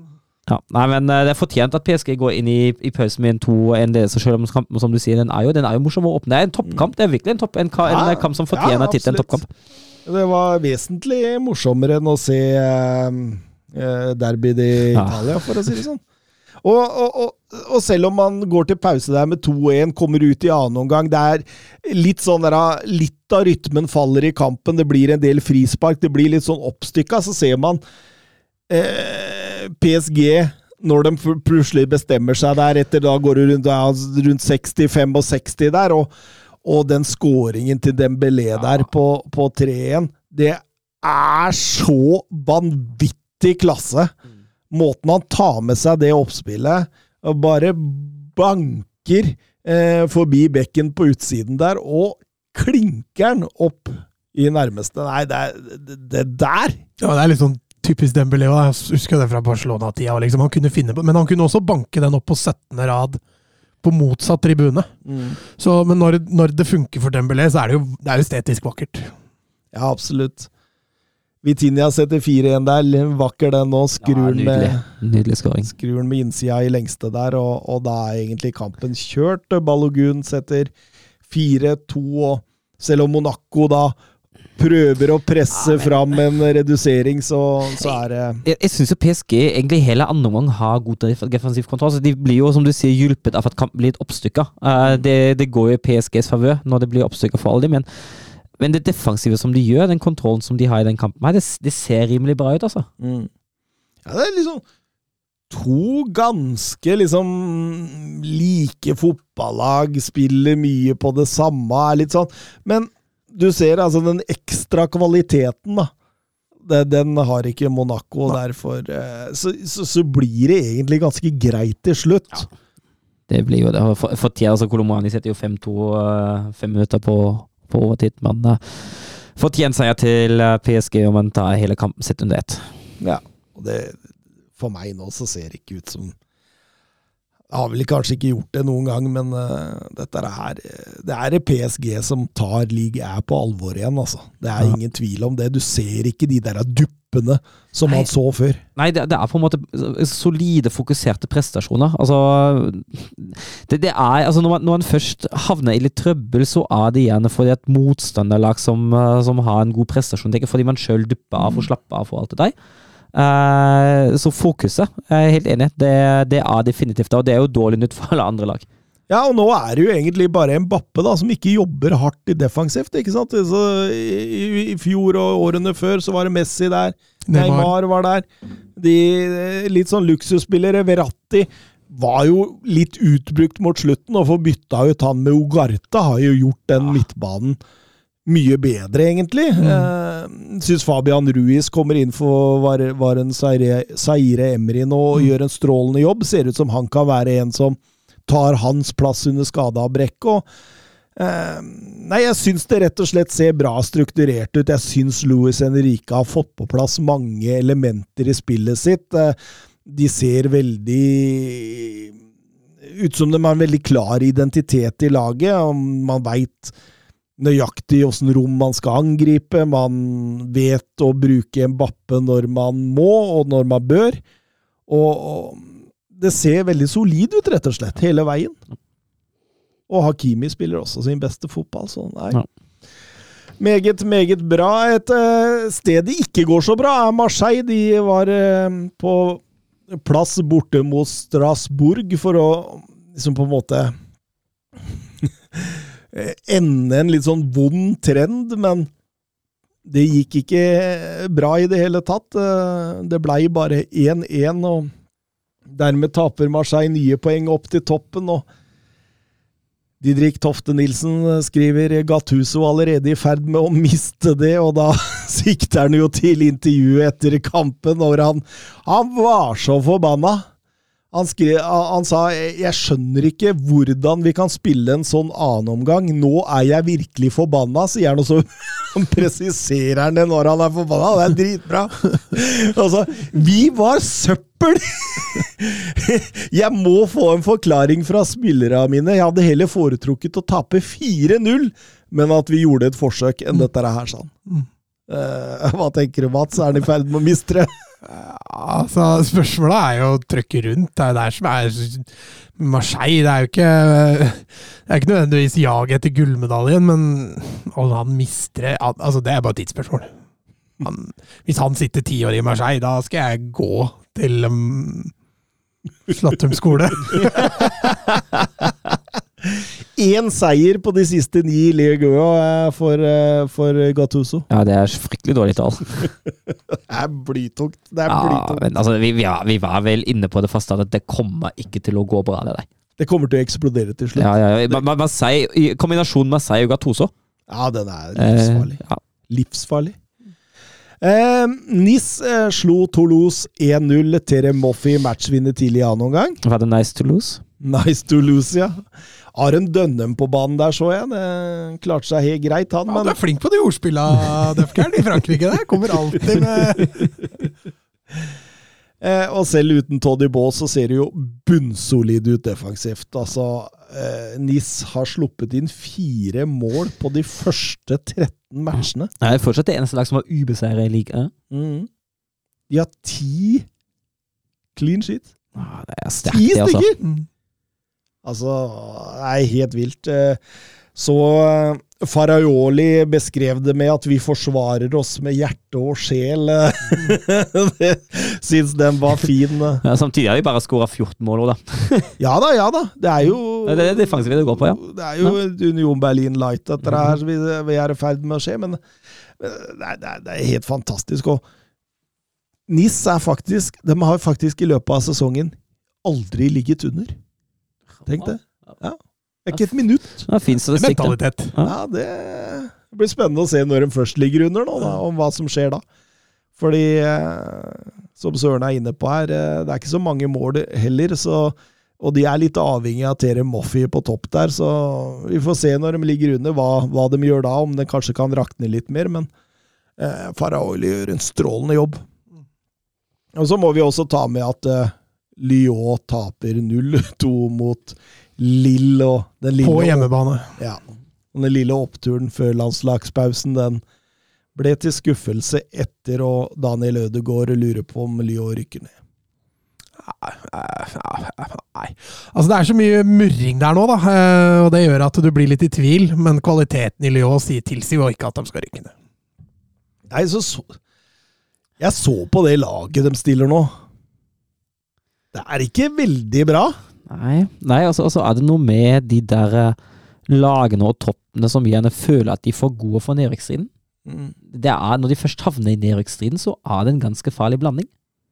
Fabio Grosso Altså, det er ingen som har hatt en dårligere start som Lyon-manager siden Raymond Domenech i 89-90-sesongen. Raymond Dominic, var det ikke han, eh, han som, eh, Franske- ja, som Som stilte opp laget sitt etter horoskop og sånn? Ja. Ja, men han gjorde det! Jeg tror han gikk på Da er du helt stjernetegn. rå, ass! Du tar og overlater det til tilfeldighetene. der. Ja, det er Harry spurte jo kona si. Jeg husker så godt Dominic da de, da de det var EM 2008 eller noe, jeg husker ikke. Men eh, da de trengte mål mot Italia, så ble, ble en utvist, jeg husker ikke hvem det var, men så tar han jo av spissen sin og setter en forsvarsspiller til. Når de jakta mål. Det, det, det, var, det var sånn det var sånn Da jeg var i, var i tenårene, og sånn, så var Raymond Dominic var sånn kroneksempel på en dårlig manager. Ja. Ja, absolutt. Eh, ikke noe strålende, strålende ettermæle, han. Eh, men jeg blir jo lite betryggende på Lyon sin vegne da, når jeg hører Fabio Grosso sier at vi må glemme hva Lyon har vært som fotballklubb. Altså, det, det er ikke noe en supporter vil høre av en stolt eh, fotballklubb med en god historie. Ikke med den historien der, nei. Altså, det, er jo, det er jo et lag som, eh, som tidlig på 2000-tallet har vunnet veldig veldig mye og kommet langt i Champions League og, og alt det der. Og, uh, altså, å glemme det altså, Jeg skjønner hvorfor, fordi han sier jo det mest for å, for å senke forventninger til seg sjøl og kanskje også ta litt press av spillerne. Men uh, det å basically annonsere at uh, det blir ikke- hele klubben på nytt. Ja, vår, vår storhetstid, den er, den er gone forever, liksom. Det, ja, jeg hadde reagert på det sjøl som supporter, altså. Og så er det to ting som gjør meg litt sånn litt bekymra. Og det er eh, nummer én at uh, i forhold til snitt fra tidligere, tidligere sesonger, så må de ha rundt 30 poeng til for å sikre seg videre spill i liga. Men er dette første sesongen med 18 lag? Ja, det er 18 lag. Og så hadde vel altså, hadde kvalik på 16.-plass, ikke sant? Ja. Ja. Men, men, men det betyr at de må opp, tett opp mot 1,5 poeng da, i snitt på de resterende kampene, for at de skal kunne i hvert fall si at det, nå har vi en sikker plass. Det er veldig mye for dette laget her akkurat nå. Og så, så er det det også med økonomien. De har jo ikke muligheter til å, til å gjøre noe spesielt i, i januar. Snarere tvert imot. Det kan godt hende de må selge enda en spiller, ikke sant? Hvis, Mm. og det, nei, det, det ser veldig, veldig tungt ut der, altså. Det gjør det. Så så dere forresten at han Eli eh, Junior Kropi skårte mål nok en gang for Lorea? Ja. 2006-modellen har på fire ligaer om året nå. Selv om eh, de tapte 2-3 mot Metz. Jeg syns det var gøy. Um, har vi noe i europahjørnet? Ja. Ja, Ja, da noe, ja. kjører vi en liten Tor Håkon. Bra jobba, gutta! Bra ball! Nei! Ah, grei offside. Tor Håkon, den er grei. Tor Håkon! Nei, Tor Håkon, det var din egen skyld. Ikke bli sint for det, i hvert fall. da. Tor Håkon, ikke kjeft på dommeren. Og ikke kjeft på dommeren. Tor Håkon, nå hører du på dommeren. Er hver gang, altså. Hver gang. Da kan jo jeg egentlig lene meg litt tilbake, fordi det var spillefri i Liga Portugal eh, denne runden. Eh, De forbereder seg til eh, Europacup, så da er scenen deres, gutta. Ja, Ajax tok imot Vitesse på hjemmebane, og tidlig ble det klart hvor den, hvor, hvilken vei dette gikk. Eh, Hato setter 1-0 etter 3, så får Vitesse en skåring annullert. Og Lundsson eh, med 2-0 etter 12 minutter, og da er kampen allerede egentlig avgjort. Eh, Ajax i tider med med fine angrep og fint spill. Uh, litt svakere i kontradekning, litt som man, man kanskje har, har kjent dem litt. Um, men eh, 5-0 til slutt, og en kamp eh, jeg vil si går litt i riktig retning, da. Eh, særlig med tanke på, på det offensive, for det var et, et Ajax-lag som var det dominerende laget, det klart beste laget, og som sagt, til tider. eh, fine angrep og en helt klart fortjent seier. Klatra nå opp til åttendeplass med 15 poeng. PSV har fortsatt full pott etter 13 kamper. 39 poeng etter 13 kamper. 48 mål skåra og 5 mål imot. Det er overlengt. Det er fullstendig overlengt. Sju poeng foran uh, Feyenoord på topp der. Og Ajax ligger fortsatt med én kamp mindre spilt. Tolv poeng bak uh, fjerdeplassen. Fantastisk. Ja, nei, jeg holder meg i Nederland, jeg. Eh, kommet opp en ny ung nordmann i, i Heerenveen. Eh, Oliver Braude har begynt å få spilletid. Eh, Starta nå i helga mot eh, Fortuna Sittard. Eh, en kamp Heerenveen vant eh, fullt fortjent eh, eh, 3-0. Braude, som i utgangspunktet er ganske offensiv av natur, og jeg veit han i yngre dager spilte høyre i banen, men i Heerenveen har han blitt skolert til høyreback eh, og har fått eh, spilletid der. Gjør en god kamp mot eh, Sittard.